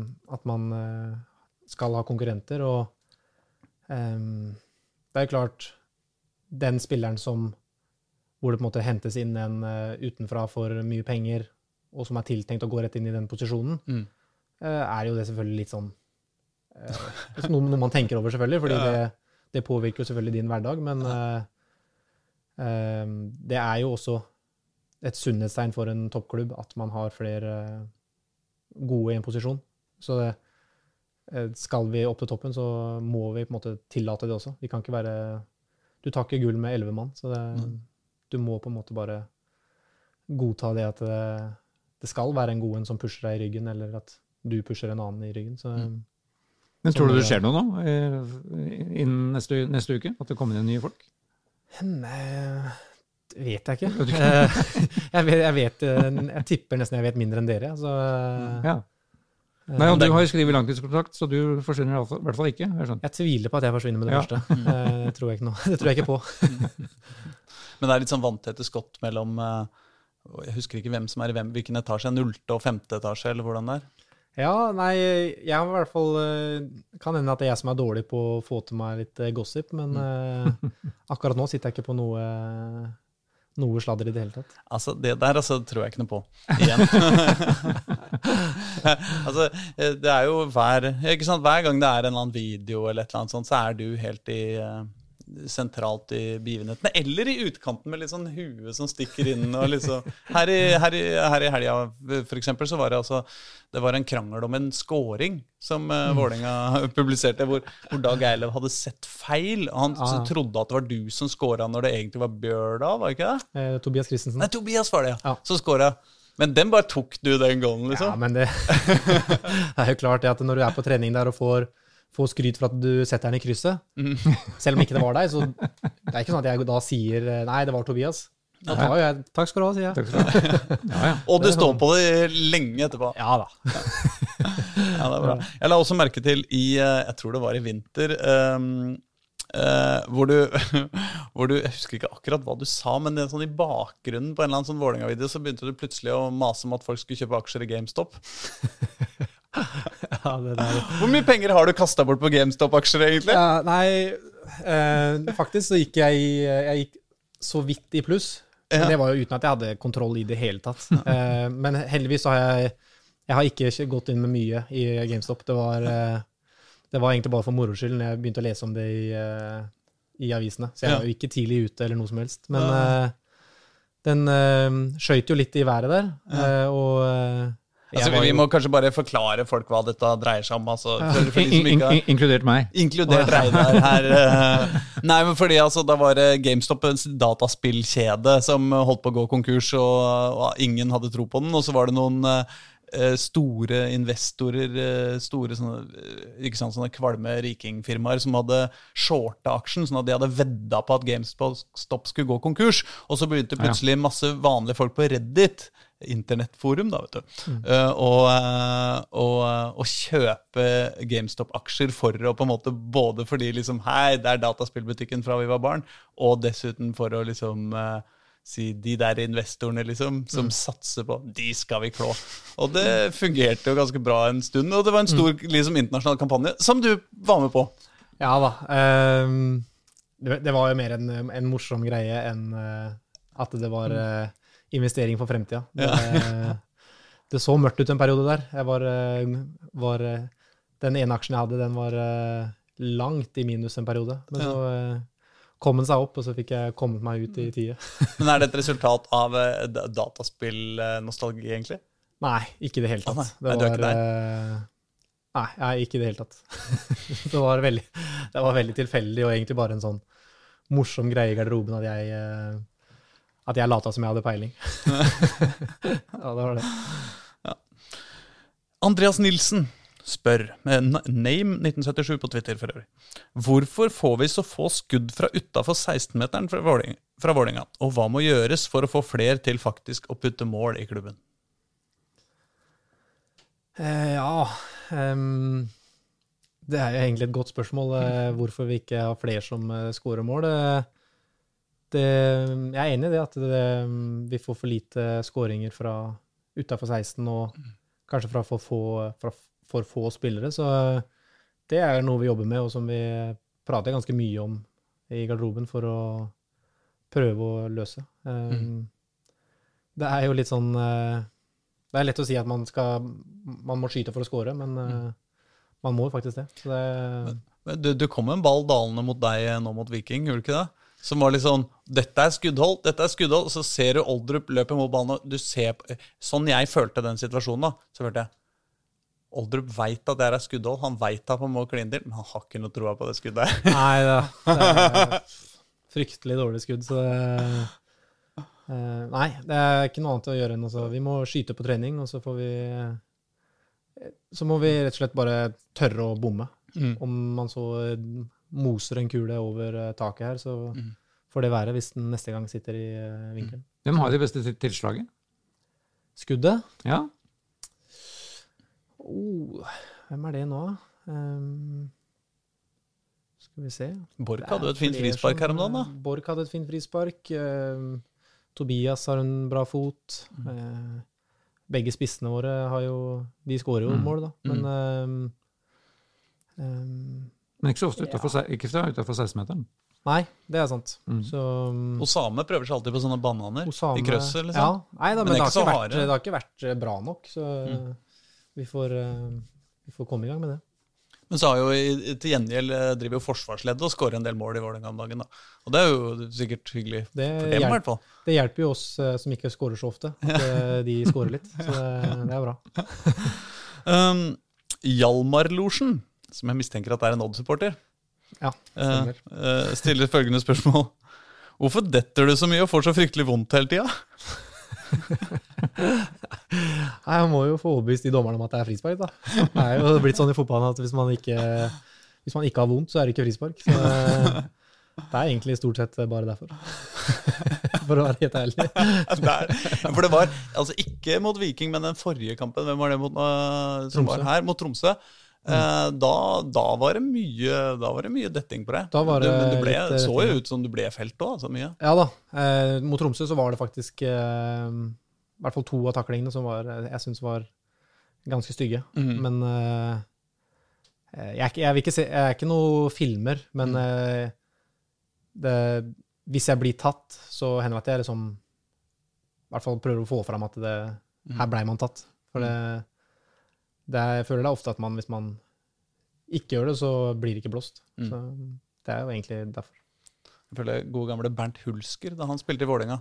Så var, Han var en av de spillerne som du aldri er i tvil om hva, som, hva han kommer til å velge hvis han er innafor boksen og han har en mulighet. Så, og enten kan han prøve å få av gårde et skudd, eller så kan han kaste seg og få straffa. Da, Ja. da er det ikke noe tvil om hva det blir. Nei, men det, Det er litt, det er litt deilig, det også. Jeg- Som supporter, i hvert fall. Jeg, jeg, jeg støtter det helt klart. Eh, når jeg spiller, så, eh, så har jeg lyst til å vinne. Og øh, hvis jeg hadde sett muligheten, så hadde hadde jeg tatt den. Um, Ultrastickers Oslo uh, spør um, På Vikingkampen lot vi oss imponere av Kjetil Haug, som går rett inn og holder nivået i Eliteserien. Kan han bli en enda bedre keeper enn Claesson? Han roper i hvert fall høyere.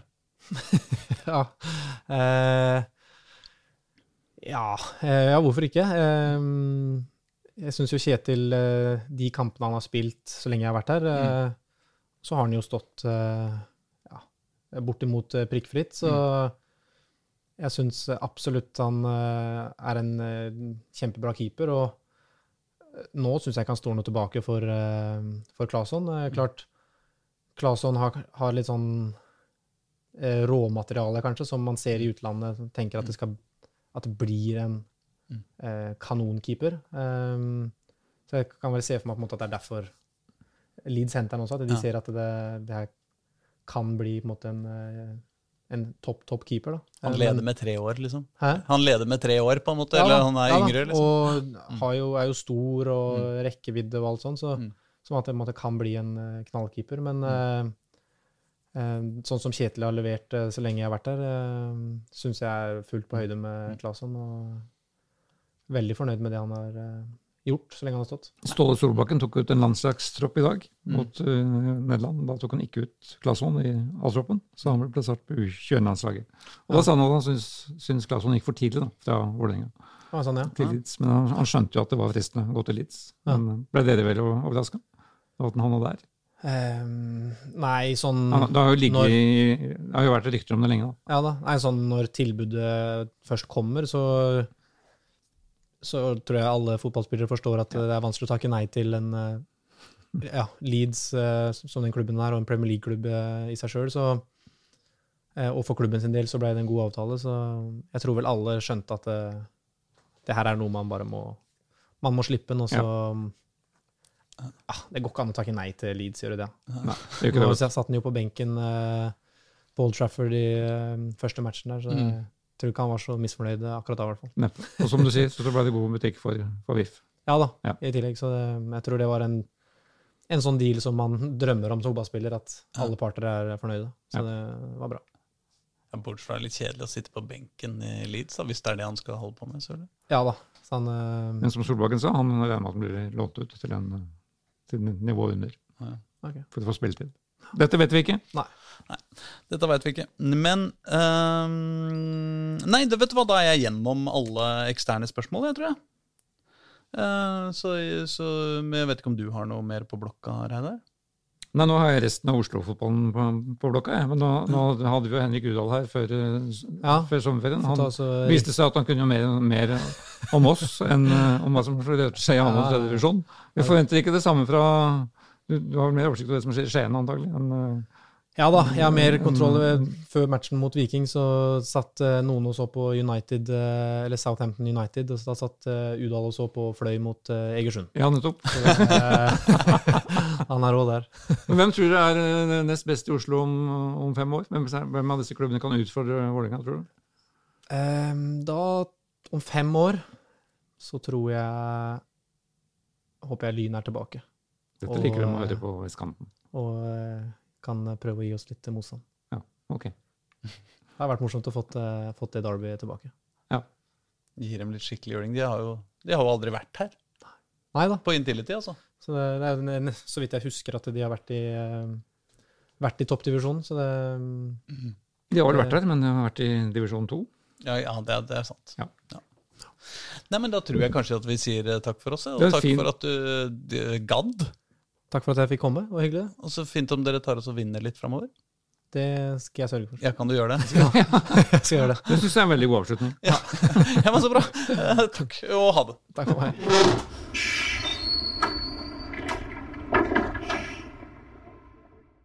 Du har hørt en podkast fra Dagsavisen.